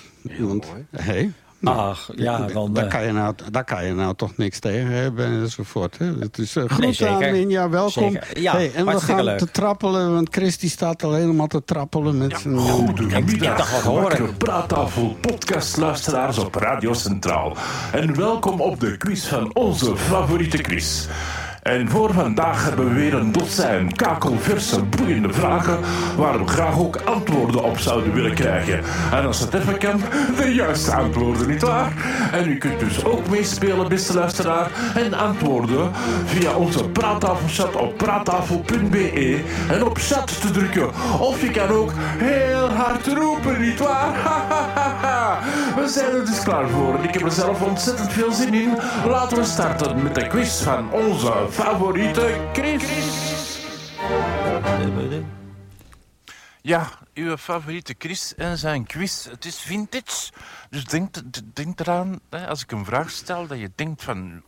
Waar haalt hij dat vandaan? Wel, uit een trivia-doos met vintage quizvragen. De- Is er enig idee van welk jaar die uitgave is? Heb je dat ergens op die doos idee, kunnen... het staat er niet op. Oké, dat laten ze kundig weg ook zo. Maar ja, oké, oké. Ik weet niet, want ja, dan kunnen we kaderen... wat voor wereld was het toen nog met Oost-Duitsland? Ja, En ik met, heb hier eh, een ik vraag van 300 jaar voor Christus. Dus ik weet niet hoe oud dat is. Echt Oké, ja, dat nou, gaat laten we- lastig worden. Kom naar de praattafel.be als je mee wil doen. Want de prijzen zijn onwaarschijnlijk. Leuk, leuk, leuk. En dan nu vraag 1. Ja, het is een, een, een soort van aardrijkskundige vraag, maar dan ook weer niet. Welk land neemt meer dan de helft van de wereldolieproductie voor zijn rekening? En dat was 50 vraag. jaar geleden. Ja, oké. Nou, dan, eh, en, en het idee is dat je je antwoord intypt in de chatroom... maar je wacht totdat het wekkertje afgaat met enteren. Dus dat we allemaal ons antwoord tegelijk zien. Eh, Ja, tenzij dat je streamt, want dan klopt de- de dingen niet echt. En dan loopt het wikkertje af en dat is dan 30 seconden later of vroeger. Nee, vroeger. ja, we geven later. een beetje ruimte. Hè? Een beetje ruimte. Van, we kunnen Ja. dat niet anders doen. Nou, Alright. De, eh, Filip zegt eh, welkom Minja. Dat is het foute antwoord, Filip. eh. Ehm, Istvan zegt Saoed-Arabië. Mario zegt Saoed-Arabië. Eh, Filip zegt dan nog eens it's the USA. En Minja eh, Noorwegen, zou ik zeggen. Zegt ze dan al zeggend. En ehm, het is allemaal fout. het is namelijk de Sovjet-Unie. oké. Oh, dat wist ik niet. De olieproductie, wauw. Ja, weet je dat, dat, was toen. Dat was nog voor de oorlog. Ja, dus laten we dan maar... eh. Eh, ja, dat, ik weet niet of dat nog, nog correct is, maar oké. Ja. Ja, oké. nou, oké. En dan vraag 2. Ja, ik was even aan het hoesten met de hoestknop op. Vraag 2. Het, het is zeker iets voor, voor eh, Mario, want er komt een dier in voor. Namelijk een olifant. En de vraag is, wat doet de olifant van Yves Robert?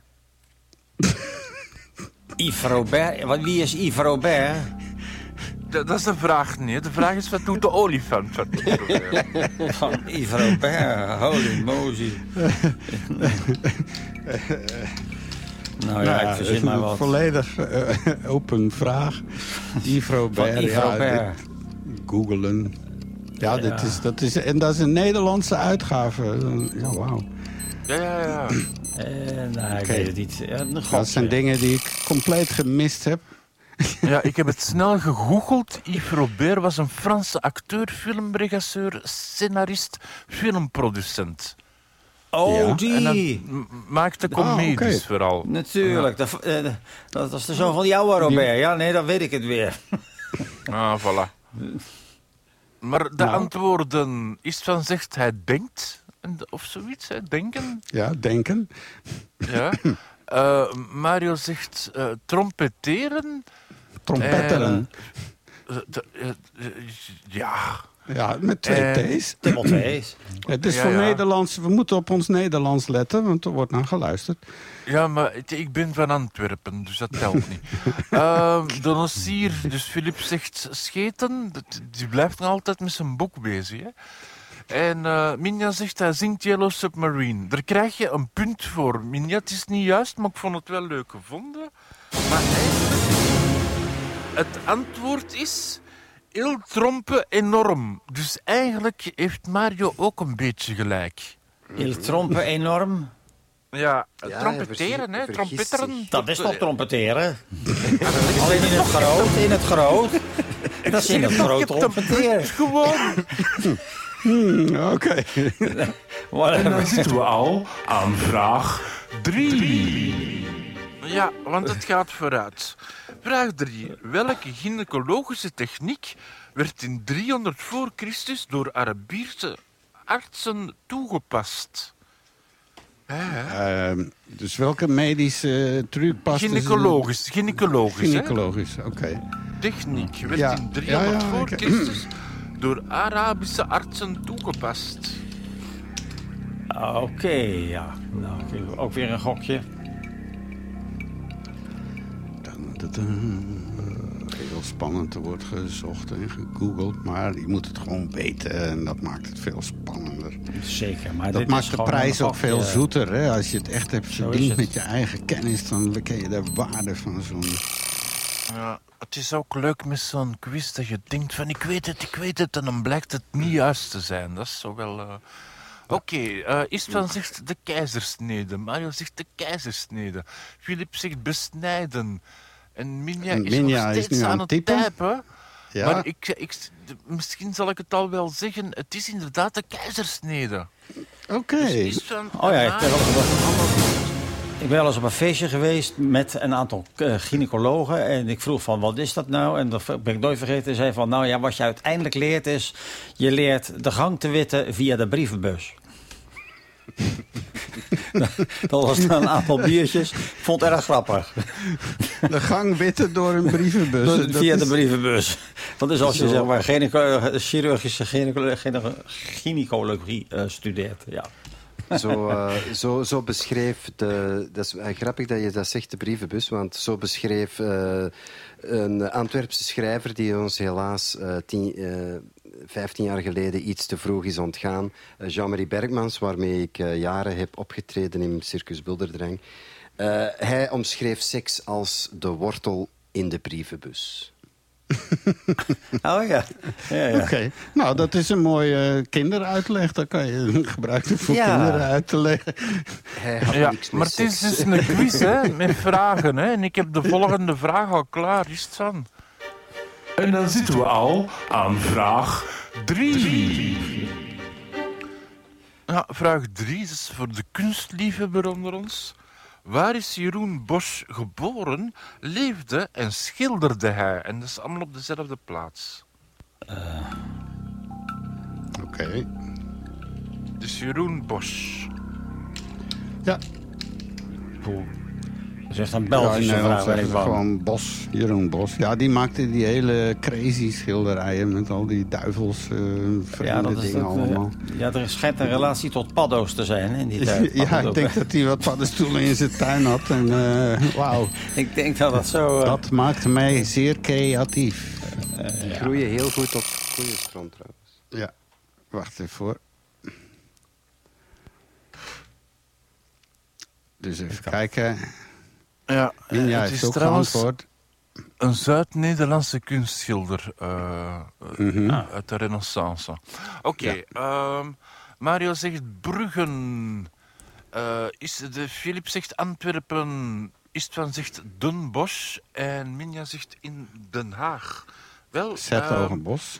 Zetogenbos ja. mag ook, hè? Dat is hetzelfde voor dezelfde De stad. hertog zijn bos. Ja, het antwoord is in Den Bosch of Hertogenbosch. Kijk, ze Amai, Istvan, je goed. Ja. Eindelijk heeft Istvan eens in zijn leven een punt. Ja, Jeroen Bos. nee, ja, hij- hoe hij moeilijk heeft is er dat? momenteel al twee. Kijk eens aan, jongens. Ik ga ermee weglopen. hoor. En dan komen we bij vraag 4. Vraag 4. Het is een, een geschiedenisvraag, een beetje. Welke Vlaamse Franciscaan schrijft in de 13e eeuw een verslag over een reis tot boven de Gobi-woestijn? Hmm, welke Vlaamse... ook, hè. Franciscaan ja, schrijft in de 13e eeuw een verslag over een reis tot boven de Gobi-woestijn. Poeh. dan Nou, zeg je wat? welke Franciscaan? Nou ja, Vlaamse Franciscaan. ja. Dat die ooit in de Gobi-woestijn zijn geweest toen in de 13e eeuw, vind ik al. Ja, dat is toch wel een reis dan, hè? Want eh, toen hadden ze nog geen... eh, dat ging al erg moeizaam. ja, Marco Polo, die... Nou ja, goed. Alright. Eh, wat krijgen allemaal is van zegt Franciscus? ja, zo Vla- Mendel. Vlaams, hè? Franciscuske. Is- Filip zegt Bart de Zwever en Minja Past. Het was namelijk Willem van Ruisbroek. Allee, dat moet toch iedereen weten? Oh. Ja, die had toch als alias Mendel? Volgens mij was dat... eh, Ja. Mendel voor de vrienden. Nee, nee, nee. Ik, ik dacht eerder aan iets van Willebroek, Ruisbroek. Maar eh, nee, nee, nee. Dat Ja, ruist helemaal niet. Het scheelde, Dat is- scheelde niet veel, hè? daarom is dat Ja. spel ook niet meer zo populair, denk ik. Want die Nee, vragen nee, eh, nee. niet... Dat zijn En we zitten al aan vraag 5. Zes, maar oké, ça va. Ehm, ja, vraag 6. Ja, ja, dat is die Vraag 6. Oké. het is een sportvraag, maar Mario, waarschijnlijk ga je het wel weten. Ik ben, ik ben er bijna zeker van. Ik weet niets Welke sportvrouw, kijk, het begint al goed, hè? Welke sportvrouw won het meeste geld dankzij haar overwinningen? Oké. Internationaal. Maar, Ja, ja. ja, maar dat was ook alweer 30 jaar geleden. Dus het huidige antwoord eh, is niet van eh, wie was het eh, in 1989 of whatever. Want dat, ja, dat is een moeilijke vraag zo op deze manier. Hè? Want als je nu kijkt, er zijn die tennisters op. die, Ik wil een wachtmuziekje horen en, en de quiz is nog aan het lopen. En Ja. ik, Ja, ik oké. zal een hint geven. Nee, 15 Love. Ja, ik, ja, we- ja, ik denk dat Oh. ik het weet. ik Oh ja, even kijken. eh, welke eindelijk. Oh, wacht even. Ik ga gokken. Ik, voor mij wordt het ook een, een gokje. Eh, Ja, nu, nu daagt mij iets wel ja, uit een lang verleden. Ja, ik was toen, toen niet met sport bezig. Ik ben nog steeds niet met sport bezig. Ah, is het een verleden vraag? Dan heb ik fout gedaan. Dan was het waarschijnlijk... Ehm worden. Istvan zegt Navaritalova, Mario zegt Navaritalova, Minja zegt Martina Navaritalova en Filip zegt Serena Williams. Eh, dat is fout, het was inderdaad eh, Martina Navratilova. Dus Istvan heeft een punt en Minja heeft een punt. Ja, en omdat we op vraag 6 zijn, de verkeerde jingle... maar toch is het de tijd voor een Een tussenstandje. tussenstand, ja, inderdaad. En eh Istvan en Mario staan samen aan de leiding met drie punten. En Minja heeft twee punten. Hmm, Oké. Nou, Filip geen. Ja, sorry, Nee. Filip. Ik, Nee, nee, nee, nee. Het is helemaal, zijn mijn vragen niet. ja. En jawel hoor, hier komt vraag 7. Misschien is dit wel een vraag voor Filip. Je weet nooit. Op welke pool leven geen pinguïns? En, en dan moet je niet afkomen, ja, eh, de pol die boven mij woont, die heeft geen pinguïns. Nee, nee, dat bedoel ik niet. Het is, het is echt... eh, Nou, dat is weer een, eh, dat is zo'n 80% vraag. Van, eh, die, die moet 80% van de maatschappij we zullen zien, weten. is het van we zullen Ja. zien. Ja. 90% zou ik bijna zeggen. Ja, ja, dit dit geval. iedereen. Ja, Als, je, als je echt eh, de pinguïn wil eh, uitroeien, dan moet je zeg maar de ijsbeer introduceren. Ja. Iedereen zegt de Noordpool en, en iedereen heeft gelijk. Nou, kijk eens aan. Zo pinguïns eh, laten geen scheten, hè. Nee. Maar ze plassen ook niet. Nou ja, wie wie weet helpt het wel. Misschien hebben ze dat wel en helpt het bij de voortstuwing. Je, dat weten we niet. dat is een soort projectie dat al hebben. Dat is over twee weken in de biomimicrie. eh. Revolutionair voortstuwingsmechanisme. ja. En dan maken we plaats voor vraag 8. Vraag 7, maar het maakt allemaal niet Nee, we hadden Nee. net zes. We hadden Ja, net dat zeven klopt. gehad. Dat was na de tussenstand. Dus nu krijgen we vraag acht. Echt waar. Nee, we hebben net een tussenstand gehad en dan een vraag. En dat is, oh ja, oké, ça va. De, eh, ja, het zijn Nou. maar zes. Ja, goh, man. Zijn we gaat het gegaan. We gaan gewoon op zeven verder. Doe maar. Doe Nee, maar. nee, nee, vraag 8. Vraag 8. Ah, Oké. Welke nou. platenalbum was in 1983 top van de verkoop in alle categorieën? Eh, Oké. Ik denk dat ik die weet. Ja, dat, Wie, allee, ja, 83. 83, ja. Jezus. Jezus, ja, voilà. Ik, ik hoop dat ik erop Nee, zit. dat was hem niet. ja, ik denk dat ik het wel weet. Het is een Ja, album dat heeft, dat heeft een tip 108 geven? weken Mm, Nee, dat hoeft de niet. billboard gestaan. Nee, nee, deze moeten we zo Ik zal de vraag nog eens zijn allemaal- stellen. Ik zal de vraag nog muzikanten stellen met in de tip. Welke platenalbum was in 1983 top van de verkoop van alle categorieën? Ehm, ehm, Stay in my life, stay in my life. Nee. Nee? Inderdaad. Oh, toch Eh, wel? Maar is Dat was toch later? Ja, sorry. Hè? Het antwoord is... eh, is van zich Dark Side of the Moon een van mijn favoriete platen. Vooral mij ook. Gig in the Sky. Maar, maar los van dat is het fout. Want het is inderdaad, Mario, het is thriller. En Philippe heeft dat ook. En Minja zegt News of the Worlds. Maar dat is het dus niet. Het was thriller. Oké, Dus, eh, dan. Zijn we al zover? Hier komt vraag 9. Ja. Dat is ook een heel simpele vraag. Hoe heette de laatste oorlog van Engeland tegen China? Ja, ja, ja, ja. Maar dat, De eh, vergeten ja, oorlog. dat- niet wat je... de vergeten My, my god, de, de laatste oorlog van Engeland tegen China. Ja, Ja. ik weet het. Nee, ja. Ja, dat is Ja. dat weet, dat zou me niet verwonderen. Gokkie. Nee, eh, Nee, die weet ik echt niet. De, hoe heet dat ding ook? weer? ja, Engeland had oorlog met ongeveer iedereen op deze planeet. Is het van, als je het juiste antwoord zet in de, in de show notes, dat, dat is niet slim, hè, man? Ik weet het niet. Nee, maar dat is alleen voor ons, hè. Dat, eh, dat ziet de Ja, rest ja, niet. maar dat zie Mario en, en, en zo ook. hè. Oh ja, dan krijgen we verschuiving. maar het Ja, heeft ja. niet geholpen, want Mario weet het toch niet. ik Nee, weet het eh, niet. Philip zegt de. Opium War, wat trouwens het ju- juiste antwoord is. Ehm, dat zegt iets van ook. En de anderen zeggen dat niet. En die hebben het dus niet juist. Dus Philip en is van weer eens een punt. Yes. Dank u wel. En aan 9 komt vraag 10.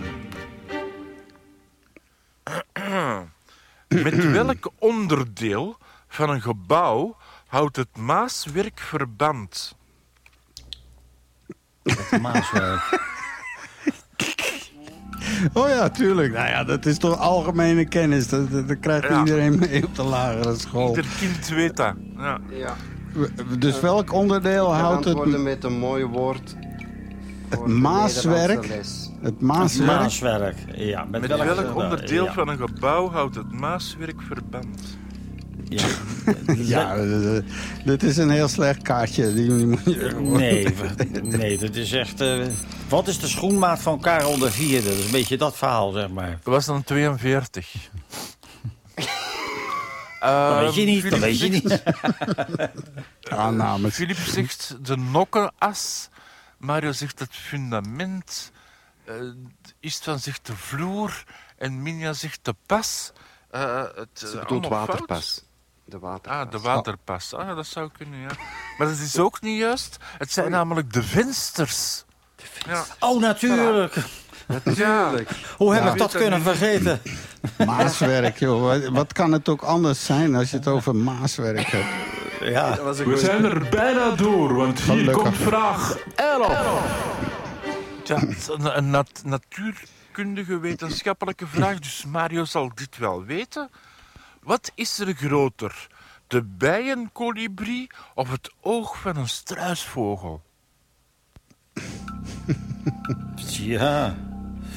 Ja, Nou, dat... eh, Ja. Ja. Soms eh, lijkt het dat die quiz wel heel erg lang duurt, hè? Ja, maar dat ligt niet door mij, heb ik gemerkt. Hè? Dat zijn al die opmerkingen van Mario die het zo lang maakt. Ja, ja, ja. Ah, misschien volgende keer twee kaartjes, eh, de best of... Ja, ik, ik noem maar wat, hoor. Ja, het zijn nu ook twee kaartjes, hè, maar... Oh, dan drie. Ivo van Hoven, ja. Oké. ehm Istvan zegt het oog, Mario zegt het oog, Filip zegt het oog. Iedereen zegt eigenlijk het oog. En inderdaad, iedereen een punt. En Minia ook, ja. Nou, allemaal weer een punt. En dan komen we toe aan... De laatste vraag van vandaag. Oké. Vraag 12. Ja, het gaat vooruit hè, als je plezier maakt. Maar vraag 12. Welk spel speelde Napoleon, Voltaire, Einstein en keizer Karel? hm, welk spel speelden ze allemaal? Ja. Niet met hun spel, maar, maar gewoon hè, welk spel speelden ze het liefste? Het zal geen hockey zijn geweest. Nee, en autoracen ook niet. Dus wie waren dat ook alweer? Napoleon, Voltaire, Einstein en keizer Karel. Dus het was ook niet flipperkasten. Nee. Want dat hadden ze toen was nog er niet. toen ook nog niet. Ja, Cluedo ook niet. En, Ik zou me een middeleeuwse flipperkast wel kunnen voorstellen. Dat lijkt me wel een hele... ehm, ja, Istvan is de enige die zegt het is dammen. Nee, dat was het niet. eh, Want het was schaken. En Mario Oh, toch wel. en, en Philippe en Minja hadden dat wel juist. Nou, en dan komt de grote onthulling. Ja, ik moet zeggen, de- de- de- jullie klagen wel over mijn vintage bak met kaartjes, maar er worden wel heel veel punten gescoord sinds dat ik die bak heb. Maar wij zijn ook allemaal heel erg oud. Ja. En eh, degene die het meeste zacht over mijn fishenbak, die vintage, is deze keer de winnaar. En dat is Mario met zeven punten. Oh. Nou, mag ook een keertje, want ik ben nooit normaal. Ik ben Ja. nooit. Nou, dan ben ik ook een En keertje aan de Filip beurt. en, Filip en Minja hadden vijf punten en Istvan had zes punten. Dus het was een close finish line. Ja, Ah. deze week. Tweede prijs toch wel, een zilveren medaille. Nog mooier, Mario. Nou, daar kan ik alles mee leven ondertussen, mensen. Ja. Het is, het is heel, eh, heel erg leefbaar ondertussen. En, eh, Zeker. en, eh, en een prijs, inderdaad. Ja, eigenlijk wel een officiële prijs gaan we gaan verzinnen. Hè? Eigenlijk, het zou wel leuk zijn, zo eens per jaar Ja, de iets. eh, prijs van deze week was een lege mayonaisebokaal. Oh, ik dacht een goed werkende vingerplant. Nee, nee, nee. Jammer genoeg. Nee, die is voor volgende week. Ah, oké. Ongehoord. Ongehoord. Onge ongehoord. Ongehoord.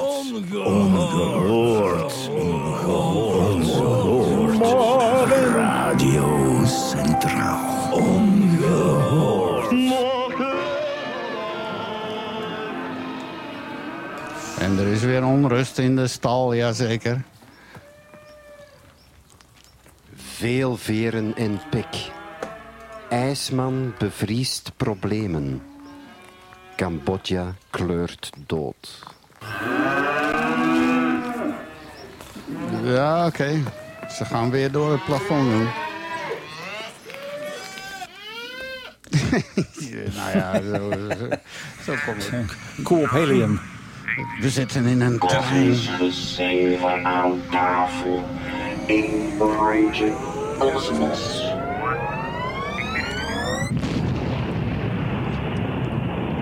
Ja, weer omhoog, weer omhoog, weer omhoog, weer omhoog. Ja. Ja, is goed, eh, Mario. Je, je hebt weer wat gevonden. Astronomen staan opnieuw voor een... Voor een raadsel, ja. ja. Ja, er is een gigantisch sterrenstelsel zonder donkere materie ontdekt. Ik zal eerst even uitleggen hoe het ook alweer zat... voor de mensen die net ingehaakt zijn of nog niet weten wat het inhoudt. Klaarblijkelijk eh, absorbeert of straalt 84% van alle materie in het universum geen licht uit. Dat noemen ze donkere materie. Je kan het niet zien, je kan het ook niet eh, op indirecte wijze detecteren. Je kan het alleen afleiden aan de eigenschappen en de zwaartekrachteffecten op zichtbare materie. Eh, en dat is heel maf. Eh, dus, dus het is er, je kan het aantonen, maar je kan het niet zien. Men denkt dat dat een, die schimmige substantie dat dat de buitenranden van sterrenstelsels doordringt. Eh, want eigenlijk zouden al die, al die eh, spiraalarmen van die, eh, van die sterrenstelsels veel meer uit elkaar geslingerd moeten worden. Dus er moet iets zijn wat het bij elkaar houdt. Eh, dat is dus die, zwart, die donkere materie. De meest waarschijnlijke theorie nu, dat is nog steeds die WIMPs. Dat staat voor Weakly Interacting Massive Particles. Oftewel zwak op elkaar inwerkende massieve deeltjes. Maar eh, dat is nog niet gevonden eigenlijk. Nee. Maar men ging er altijd vanuit dat er een eh, evenredige verdeling zou zijn van die donkere materie. Maar dat is dus niet zo. Nee. Want ze hebben bijvoorbeeld nu een heel oud sterrenstelsel ontdekt. Een, een klein sterrenstelsel. Waar gewoon dat niet, eh, die effecten niet zijn. Dat slingert wel redelijk uit elkaar. En dat past natuurlijk niet in het standaardmodel van de kosmologie. Dus wij hebben dan dat prin- principe in de, de, zijn die wetten van Kepler en zo. Van hoe, eh, hoe eh, hemellichamen zich onderling eh, verhouden tot elkaar. Nou, het gaat om een sterrenstelsel, eh, NGC 1277. En dat is, dat is een heel oud sterrenstelsel. Dat- zijn hele oude sterren die miljarden jaren geleden zijn ontstaan. Het is een, het is een, zeg maar een, een fossiel sterrenstelsel, zou ik zo maar zeggen. En het is vermoedelijk het overblijfsel van een gigantisch stelsel... wat bij het begin is ontstaan. En eh, dus eh, dat is eh, wel heel bizar, want het is ook echt een heel groot sterrenstelsel. Want Hubble heeft in het verleden wel meer van die dingen gevonden, maar dat waren piepkleine dingetjes.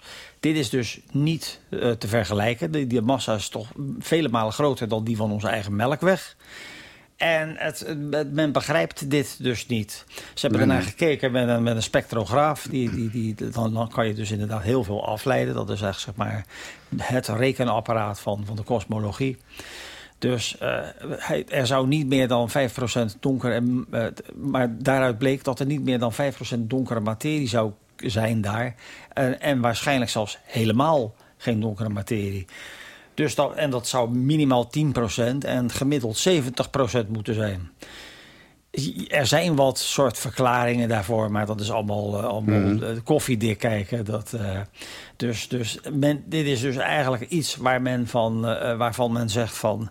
dit begrijpen dus ook weer niet. Dus dit is weer zo'n zo'n weer zo'n zo'n feitje op het bord van de kosmologen...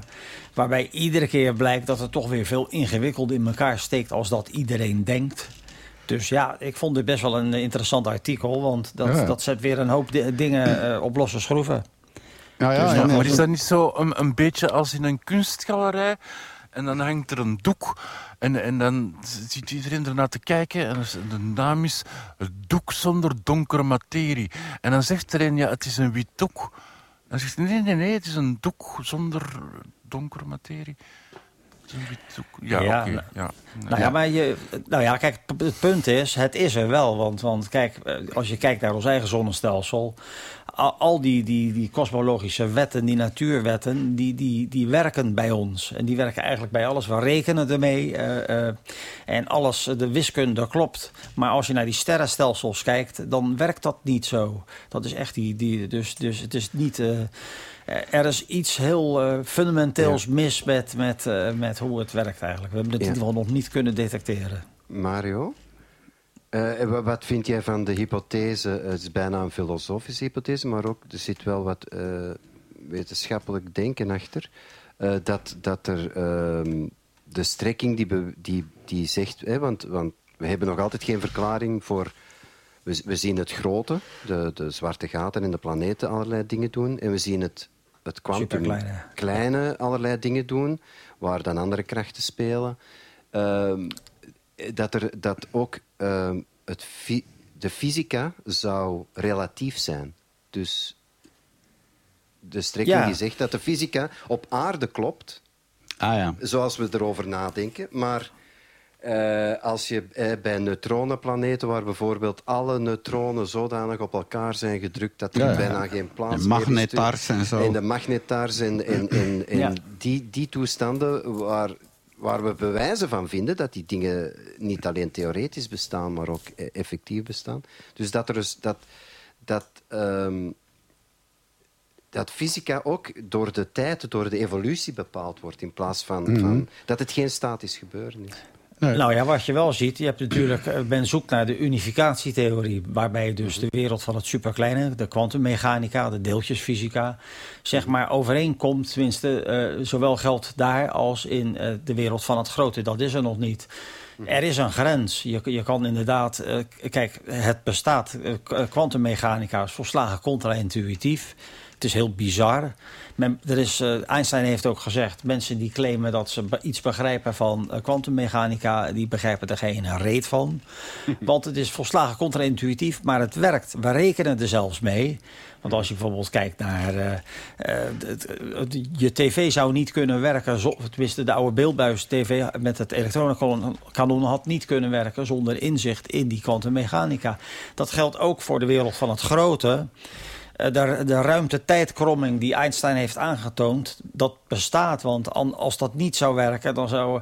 we- we- Wij rekenen er al mee, als je kijkt naar bijvoorbeeld onze GPS-satellieten. Als, als we die, die ruimte-tijdkromming daar niet in zouden verdisconteren... Zou, eh, dan, dan- dan, dan zou het niet werken. Dan, dan, dan, dan is het niet precies. Dus het zijn, de wiskunde klopt wel. Alleen, ja, om die twee theorieën in overeenstemming te brengen, dat is echt het dingetje. Ik heb het een tijdje geleden ook gehad over waar zit die grens dan? Want eh, er was een groep die ging proberen van, nou, we gaan eh, de kwantummechanische verschijnselen die we zien, gaan we opschalen. We proberen met meer en meer. Op, op enig moment moet het in eh, de gewone wereld te zien zijn, zal ik maar zeggen. Waarbij onze standaardfysica werkt. Maar dat is er ook nog niet gelukt. Dus het is inderdaad gewoon een, een onbegrijpelijk iets. Eh, maar er worden wel steeds stapjes gezet. Dat vind ik wel heel... En als Nou je kijkt nu- naar... de- Ja. en als je kijkt naar de, naar de eh, kwantummechanica, je hebt daar dan dat standaardmodel, die is bijna compleet. Er is nog één dingetje wat ze missen. eh, en dat is het graviton. Dus dat is de zwa- zwakste van de vier krachten. Dat is de zwaartekracht, dat is een hele zwakke kracht. Ja, als ze dat graviton vinden, dan zou je een goede kans hebben dat eh, alles sluitend gaat worden. Maar ja, Ja, en zwak is relatief, want val maar eens uit een gebouw van drie verdiepingen. Dan vind ik dat de zwaartekracht toch behoorlijk effectief Ja, maar het is. is niet Ja. de zwaartekracht die je doodt, het is, het, is het contact met... eh, is het. w- wanneer het niet meer verder gaat.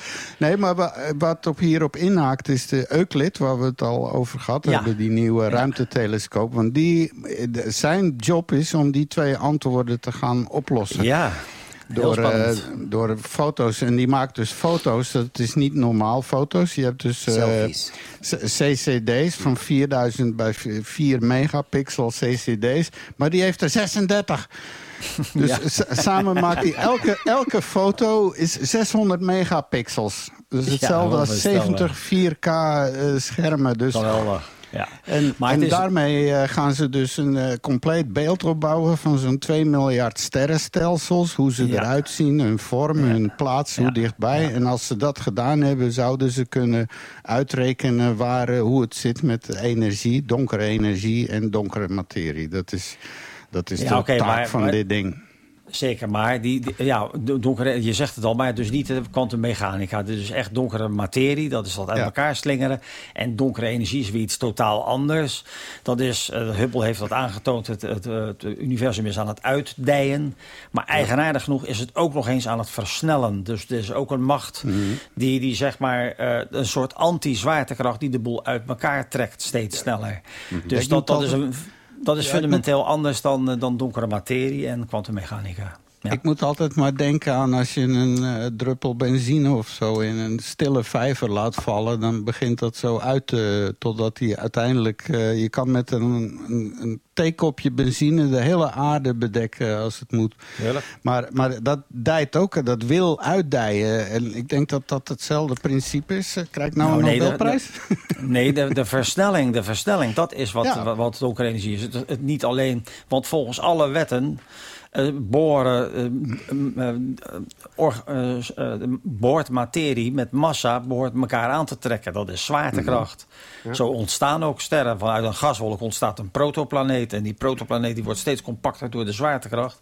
En uiteindelijk, als het maar compact genoeg is, kan er een ster ontstaan.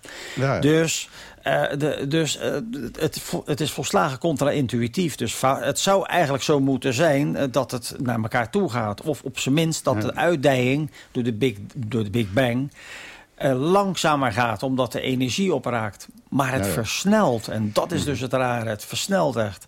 En dat is dus die donkere energie. Ja.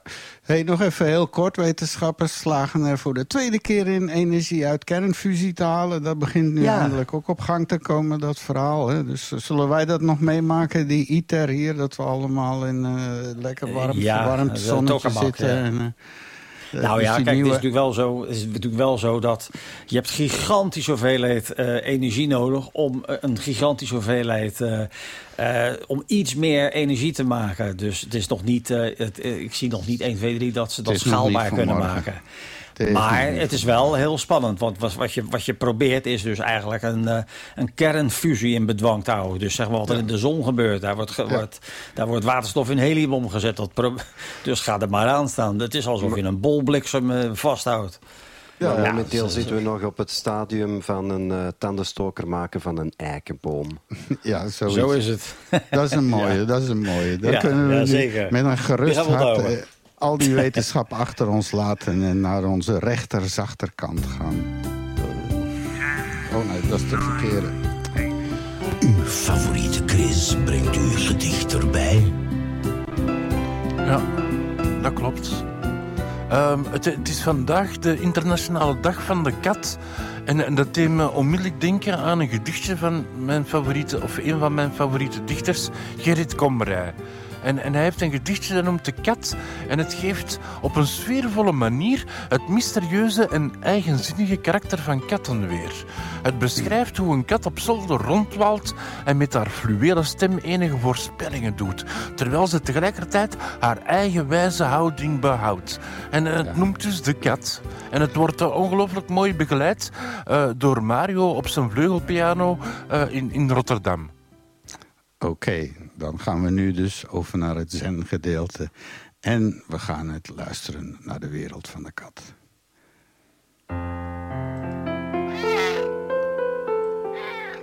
De kat op zolder. Loopt maar en loopt. Ze spreekt met een stem van fluweel. Ze zegt dat de maan door de bomen sloopt. Dat het weer gaat sneeuwen of hagelen. Ze zegt dat het een en ander moet. Ik vraag wat dat dan wel mag zijn. Ze doet of ze me niet hoort. Ze doet alsof ik een zeur ben. En zeurig en klein. Nu heeft ze dat van haar vader, de kater. Die sliep altijd naast het gazon. En als het vroor, vroor hij later. Ging hij dood, dan was het gedaan met de zon.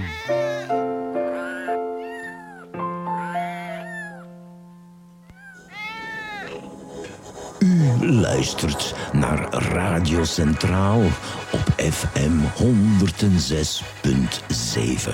DAB+, en livestream. Zeker. En we zijn aangekomen bij het laatste blokje. Want we hadden altijd zo de gewoonte om met eh, veel wetenschap. Maar ik dacht, waarom niet eens met goed nieuws? Dus we hebben een blokje goed nieuws... waarvan ik hoop dat het iedereen toch maar met een prettig gevoel eh, gaat achterlaten. Ja, toch nog heel eventjes? Ja? Heel kort. Ehm, laat een kat scheten. Ja, ja. dat zal wel zijn, want eh, ik zie het woord Absoluut. cat in jouw boek staan. Absoluut, een kat laat absoluut scheten. En, en Mario zal dat beamen door de intake van een hoog proteïne dieet. Een kat is een vleeseter, sorry. Ja. Al die veganisten die, hè, die met hun leren schoenen en hun leren jas aan bij de, bij de Jumbo eh, kattenvlees gaan kopen, maar toch hè, veganisme. En, en eh, als avocado's, die worden ingevlogen met het vliegtuig. Ja. Voilà. Maar het is wel- avocados met het vlie- Inderdaad, met die, met die, met die, met die Korea-vliegtuigen. In, in de bagageruimte. En eh, eh, niet vergeten dat een kat ook, natuurlijk, hè, per jaar op aarde... eh, de katten die eten 3,7 miljard vogels. Per jaar. Oké. ook, ja. Gelukkig zijn er heel veel vogels, maar inderdaad, het is wel veel. 20,7 miljard zoogdiertjes. Ja. Ehm, dus katten zijn ook verantwoordelijk voor het uitsterven van bepaalde eh, eh, vogels in bepaalde regio's. Maar inderdaad, dus door het hoge ehm eh, proteïne-dieet dat ze eten, eh, produceren ze dus abnormale hoeveelheden zwavel. Dus iedereen die een, die een poes heeft, Nou, nou, die zwavel die, die zit natuurlijk niet in het eten. Dat, Nee, nee, die nee, zwavel die ontstaat door, de, door, de, door, de, door, Door je de microbioom. ja. Door het microbioom in je darmen. Maar het is wel zo dat vegetariërs meer stinken dan vleeseters. en dat heeft te maken met de vergisting. hebben ze. Ja. Met, met wat? Ja. Met de gisting. Vergisting. eh, Ja. je- de vezels die je eet. eh, en- want over het algemeen is zijn planten natuurlijk moeilijker te verteren dan vlees. Want vlees heeft een celmembraan en een plantencel heeft een, een wand. Dus, dus je ziet ook dat het moeilijker verteren is. Ik bedoel, een koe heeft er vijf magen voor nodig. En een schaap 40 meter darm. En als je een leeuw neemt, die heeft één meter darm. Dus dat is veel makkelijker te verteren. Dus, de, dus dat microbioom, die, die bacterie, die hebben we keihard nodig... voor het, eh, voor, zeg maar, voor het afbreken van die celwanden van de, de cellulose. Het is voornamelijk cellulose wat, wat je dan... eh. Dus ja, eh, vegetariërs stinken gewoon meer. Voilà. Ja, Oké. En hun, katten, en hun katten moeten niet onderdoen. Eh, ja. nee. In het goede nieuws eh, las ik, eh, dat is toch wel heel bijzonder... dat mevrouw Taylor Swift, dat is een zangeresje... die toert momenteel over de wereld. Dat is trouwens wel een heel bijzonder project. Eh, die heeft dus in Seattle een concert gedaan... en op de zaterdagavondaflevering hebben ze daar een 2,3... eh, op de schaal van Richter bij een bepaald liedje, Shake It Up... hebben ze een, een, een, een kleine aardbeving gemeten. Dus dat is nu over die tour... Eh, De Era's Tour, eh, dat gaat uiteindelijk worden dat 245 stadionconcerten. Ze gaat daar een dikke anderhalf miljard euro aan overhouden. En nu al is het zo winstgevend dat ze iedereen in haar entourage... dus van geluidstechnici tot de dansers... die hebben allemaal 100.000 dollar bonus al te pakken. Gewoon sowieso Ja. al. En dat geven ze allemaal uit aan de audiciën. Nou, nee, dat is tegenwoordig, eh, valt dat mee met, eh, met die nieuwe Nou, installaties. Dat is 2,3 dat gaat heel op de schaal van Richter. Dat Ja, zal wel maar een het, feestje stampen, zijn maar dat is eh, het stampen, het springen van de mensen. Hè? Dat is niet door Ja, geluidssysteem. nu Maar moet dat is niet door de even scheten die ze produceren. in, inhaken eh, is het van... Als Fateless speelde in het Sportpaleis, maar ook op Rockwerchter... hadden die ook eh, een kleine aardbeving veroorzaakt met hun bassen en geluid. Ja. Dat is die van God is a DJ, hè, Fateless. Ja.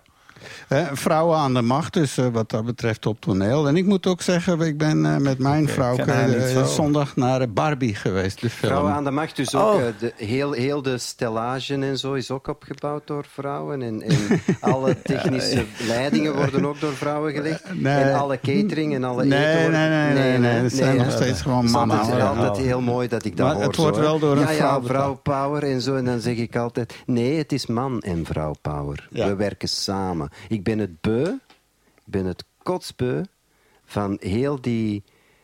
De, de hedendaagse tijd die, die probeert te beweren dat het is mannen of vrouwen. Nee, we zijn samen. Mhm. We zijn de mensen. We zijn een mensensoort. Er zijn Eh, ja, mensen dat- die nog altijd samenwerken. Ja, Maar toch heb ik ooit eens een vriendin gehad en die zei, ja, ik kan evenveel als jij en misschien wel meer. En dan heb ik gezegd, goed, dan leg jij de oprit maar aan. Voilà. Ja? Oké. Voilà. Zo dan ga het. jij maar in de riolen en dan, je moet maar eens gaan kijken op een boorplatform hoeveel vrouwen dat er werken. Je moet eens gaan kijken bij de metselaars hoeveel vrouwen dat er werken. Je moet eens gaan kijken bij de riooluitkuisers. Ik bedoel, Maar eh, dat laat ons is nu wel aan het veranderen. Het is Er is wel veranderen. Er is wel een groot verschil tussen mannen en vrouwen. Mannen en vrouwen zijn verschillend, maar eh, mannen en vrouwen zijn gelijkwaardig. Dat is zeker zo. Absoluut, daarover Zo moet is het het. gaan. Ja. Ja. Die goed nieuws dingen, dat is wel een goed idee, is het van? ja, het is wat minder en naar nieuws. En, Ja, hè, er wordt helemaal niet gesakkerd en zo. En zeker niet op vrouwen. Ja, nee, ik vind het goed. Nee, maar eh, op het andere vlak, vrouwen aan de macht. Ik ben dus zondag naar Barbie geweest. Want eh, ja, op diverse podcasts hoorde ik, onder andere Michael Moore. Dat is toch een heel serieuze. En het is absoluut geen kinderfilm. Want wij zagen ook, eh, we waren zondagmiddag en daar liepen zo kindjes Ja, van drie, vier jaar allemaal te spelen, spelen. Ja. Marketing heeft helemaal gedaan alsof het een familiefilm is. Ja, En de families die Maar komen het daar is dus niet zo, hè? buiten, hoor. Ja. want Nee, wat, het- Nou, het wordt ge- en Greta Gerwig, dat is de regisseuse, eh, die het ook eh, geschreven heeft en zo. En eh daar zit wel Mattel achter, die zichzelf behoorlijk te kijk zette in die film. Dat wil je niet geloven. Oké. En, eh, ook de, de Will Ferrell speelt dan de CEO, maar op een hele maffe manier. En, en het is eigenlijk een, eh, wordt het gebruikt als vehikel voor een behoorlijk feministische boodschap. Van, eh, ja, want zij dacht dat Barbie, in, eh, ze, ze leefde in Barbie-wereld. Dat is iedere dag perfect. Het is trouwens geweldig leuk gedaan allemaal. Het ziet er fantastisch uit. En dan op een gegeven moment moet ze door een of andere toestand naar de echte wereld. Dus ze gaan dan door een soort ding heen. Je moet ook zien, in die film is bijna geen CGI gebruikt. Ze hebben alles echt gebouwd en alles zo. Dat allemaal, dat is, dat is, wel, Ja, ja. Dat is echt waanzin. Hè? Dat doet denken aan zo die twintiger jaren films en zo. Het is echt heel knap. Maar dan op een gegeven moment merkt ze dat de echte wereld helemaal niet zo perfect is natuurlijk. En dat het nogal behoorlijk een patriarchaat is. Eh, ja, nee, maar er zit ook Het is dus eigenlijk een enorme- maatschappij-kritische film. Absoluut, absoluut. En zelfs Mattel, eh, die zette zichzelf ook nog te kijken enzovoort. Oké.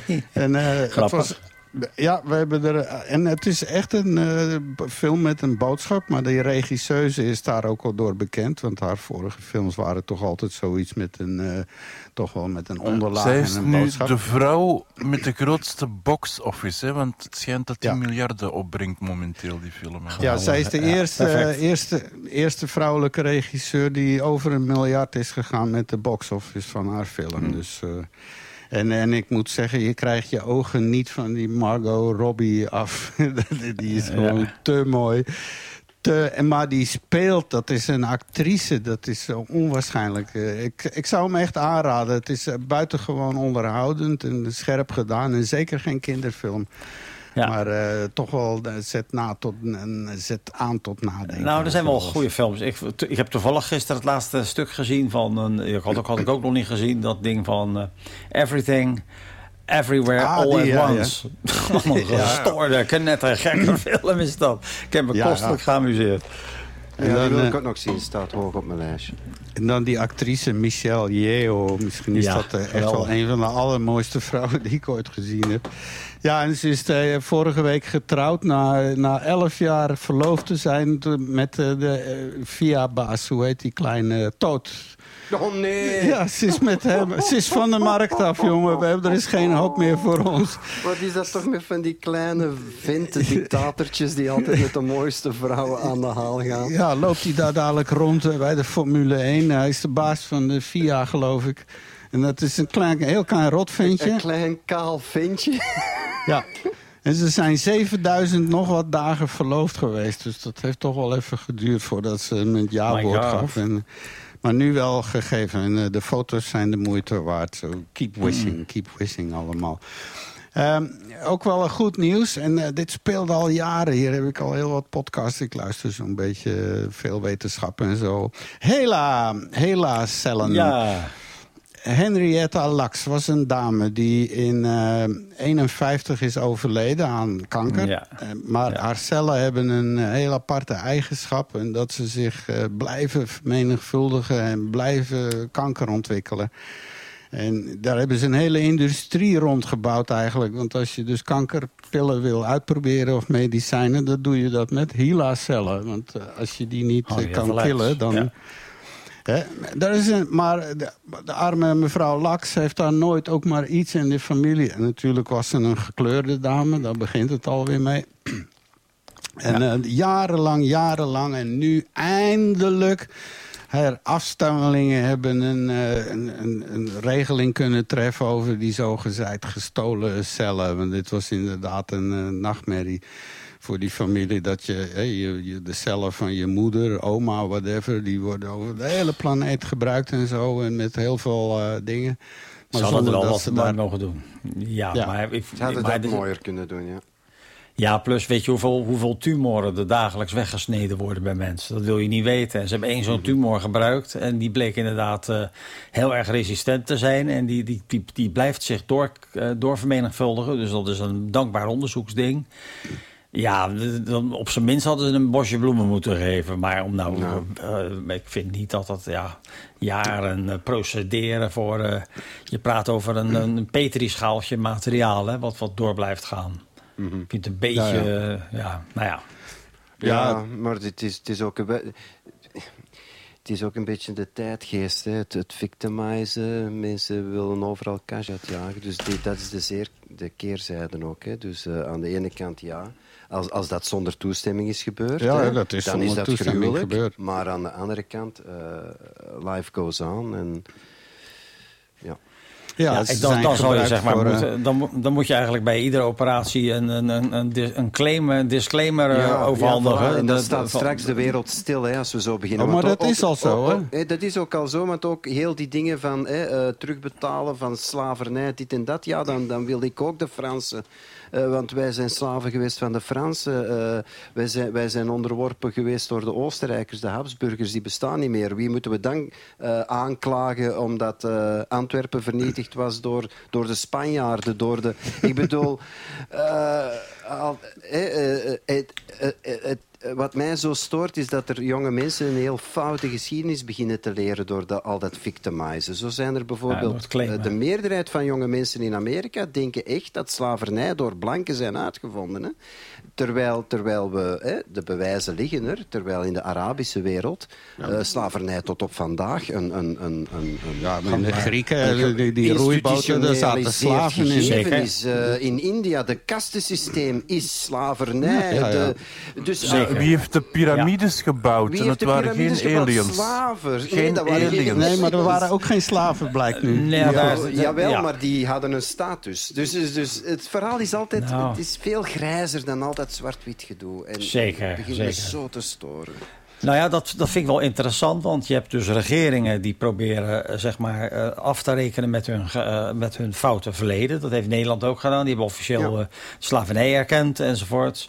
Dat zie je wel meer. Dus er zijn echter. En, er wordt ook goed, best wel heel Ja. veel roofkunst wordt nu teruggegeven aan eh, de oorspronkelijke eigenaren. Dus die bewustwording vind ik prima. Maar wat ik ook zorgwekkend vind, dat je bij andere regeringen die veel autocratischer zijn, Uh-huh. die zijn creatief hun eigen geschiedenis aan het herschrijven. Ja. Zoals in Turkije en de Armeniërs eh, en eh, ga zo Ja. maar door.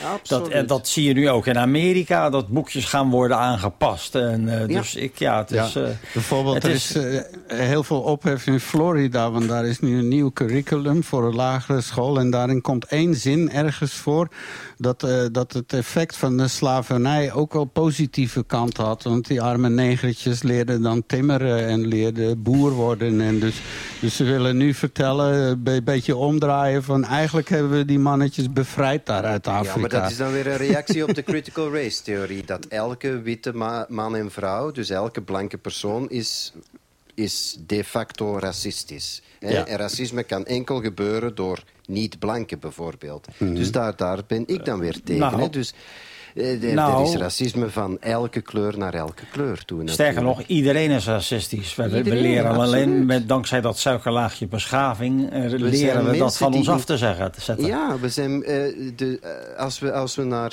naar, het verle- naar, naar de mensheid kijken, we, we, we zijn groepen, groepsdieren die hun eigen groepje verdedigen. Daar komen Zo is wij het. van. Wij zijn een stel primaten die zullen vechten met de primaten in de andere boom. Want die hebben leukere bladeren, en die hebben lekkere Bananen. Dus dan gaan we die aanvallen. Ja. En die zien er hetzelfde. Nee, dan, eh, ja, die zien er dan iets anders uit. Voilà. Dus iedereen Ja. met zo'n neus vallen we aan.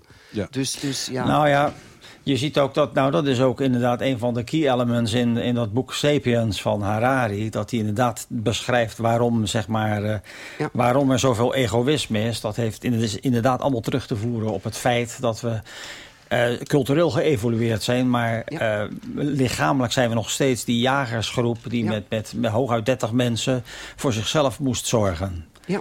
Eh, en, en dat is ook gewoon absoluut zo. Ja, Dat is ook die, best die wel, eh, kennis, ja. Ja. die kennis wordt nog steeds gebruikt bij het ontwerpen van eh, supermarkten en zo. Hè. En, eh, met prijzen en zo. Want dat gaat, werkt allemaal op onze dierlijke instincten. En dat we s'avonds alles. thuiskomen met een buiten. Echt zo. En die eh. Barbie-film ook, hoor. Ja, nou, hetzelfde geldt voor Oppenheimer. Die vond ik ook goed, maar ik moet eerlijk zeggen... Barbie heeft me toch wat sterker meer geraakt. eigenlijk. Ja, Nou ja, ja. ja. Nou ja, toch wel. Een hele- omdat je het ook niet verwacht, weet je wel. Het is zo'n verpakking die... eh, eh, nou, Ja, die, die niet uitnodigt voor, eh, voor eh, bierdrinkende mannen, zal ik maar zeggen. Nee. Maar he- heel moedig. En, en er zitten ook een paar hele leuke grappen in. Eh, op een gegeven moment vertelt Barbie dat ze zich heel lelijk voelt. En dat ze zich slecht voelde en zo. En komt er zo een, een, eh, een insert van de directie van... ja, de producers zagen al een probleem met dit geval vanwege Margot Robbie. Want die kan je niet lelijk vinden. Die kan gewoon niet lelijk zijn. Dus eh, ja, er zitten heel veel leuke quips in. En eh, echt goed gedaan. Hey, ehm, ja, vorige week is dat een beetje ontsnapt aan de tafel. Maar de overshoot day, hè, die hebben we gehad. Dus dat betekent Ja. dat we nu al sinds 2 augustus... zijn we meer aan het gebruiken dat de aarde... heeft tot 2 Ja, kan augustus opbrengen. kunnen zorgen voor ons. En nu zitten we alweer op, eh, op, op geleend... eh, ja, waar, waar zitten we eigenlijk op? Ja, we hebben, we hebben eigenlijk twee aardes nodig nu eh, om, om te kunnen blijven leven zoals we nu doen. Dat is het probleem. Dat is de essentie. En het dat gaat dus ten lukken. koste van, eh, van, van de onderkant van de, van de samenleving in de hele wereld. Ja, maar Ja, een oplossing zou kunnen zijn dat we elkaar beginnen op te eten. Ja, dat zou zeker Green. helpen. Soylent Ja. Soylent Green, ja. Dat, eh, ja. met, met Burt Dat Lancaster over was dat bezig ook, ja. zijn. Ja, ja, ja. Ja, Eh, er was een, een zwarte wereld en dan moest je jezelf 1982 inleveren. En dan 81. kwam je in een soort zo'n ruimte, Een kon je kijken naar een film van Eh, eh, heel mooi allemaal. natuur. En dan langzaam ging je in slaap en een half uur je later... lichaam aan de achterkant werd En al, verwerkt in... en een half uur later lag hij zeg maar op, op, de, op die tosti of op die... Ja, ja. die Die dat soepje was. Nou, je kan Die heb ik in jaren niet meer gezien. Terwijl het toch zo'n belangrijke film is geweest eigenlijk. Ja. En je, je- hij is nog nooit in de herhaling geweest volgens mij zelfs. dus euthanasie, ja, dit is in 81, 82 eh, uitgekomen. Euthanasie komt daarin. eh, de, het op, opsoeperen van onze natuurlijke reserves komt daarin. Ja. Toen al? Dat is Ja. 40 jaar Ja. geleden. Ja, komt uit 1973, die film is, Soylent eh, Green. Was tien Hè? jaar ver- verkeerd. Met Edward G. Robinson en eh, allemaal grote acteurs enzovoort. Maar hey, we, dit zijn de afscheidstonen. En eh, Jeroen en Elko B. die zitten Ja, zich al is klaar het te trappelen in de... Ja, ja, ja, zeg het eens. Dat wij de wereld opsoeperen, is dat goed nieuws? Want dat zit in een stukje goed nieuws. Hè? Ik, ik vraag me altijd Ja, af, dit het was wel? het Hoe zie jij dat? Hoe zie jij dat voor je, Niels? Nou, het was, het was voor het eerst dat het een dagje later was dan vorig jaar. Oh ja. Dus in dit tempo is het dan hebben we in, in, in 2145 zijn we dan weer helemaal rond. Ja, zoiets. Ah ja, en ik hoor natuurlijk hier ook nog wat anders. eh, wacht, wacht, waar zijn die nou gebleven allemaal? Ja, ook, ik ga nu de deur openzetten. De praattafel stopt op de 8e augustus. De kat krabt de dag. Nou, kijk eens aan. Dat is voor de koeien een hele mooie om te gaan slapen. Ja, heel kort, eh Filip, jij deze week nog plannen in de regen of iets? Ik heb eh, vorige week na de vorige praattafel een eh, nieuwe gitaar aangekocht en daar zit ik dagelijks heerlijk op te tokkelen. Ah, een akoestische? Nee, het was een elektrische, Oké. een Jazzmaster. Oh, wauw. Een Fender, een Fender. Oeh, ja, ja. Dat niet vergeten in het park. Ik heb eens een keer een gitaar gevonden. En dat was echt een, eh, een precision bass, een Fender precision. Die stond netjes keurig in de hoes, tegen een boom in, in het park, nog een stadspark. We hebben de eigenaar gevonden. Dat was gewoon een gast die zijn joint op had. En eh, Oh my god. die was het vergeten. Mario, jij in een halve minuut eh, plannen? Eh, nou, ik heb ook wat gekocht. Die gaat eh, woensdag komen. En dat is een spinet. Oh. Dat is een, eh, zeg maar een, een, eh, een klaversymbol op kamerformaat. Een klein ding is het. Dus daar, Ja. Die wil ik al jaren hebben. En ik kwam hem ineens op eBay in Duitsland tegen. Dus die Ja. komt een woensdag. ja. En Chris, jij hobbelt vrolijk rond op je splinternieuwe machine. Ja, zeker. En, en strak ga ik een parabole microfoonset halen. Ik heb die op tweedehands gevonden. Heel goedkoop. Ik hoop alleen dat het niet te veel waait, want die moet dus mee op mijn scooter. Maar als ik echt wegwaai en in het water val... Ik heb een deal gemaakt met die parabole microfoonset en een waterdichte contact, een hydrofoon eigenlijk. Dus als ik in het water val, kan ik me altijd opnemen. Dus dat is dan weer al goed nieuws. Zet dat spul aan voordat je vertrekt. Dat we gewoon de hele Je kunt volgen, audio-ervaring hebben. livestreamen. Ja. Maar het is mij met zo'n... hoort zo- roepen zo. Ja, oké. Maar het is, het is zo'n precies- schotelmicrofoon. Echt, er zit echt een schotel ja. op. Ja, Ja, ja, Oké, dus die schotel. kan je monteren op je helm dan. Ja. U was wederom welkom aan deze aflevering van de Praattafel.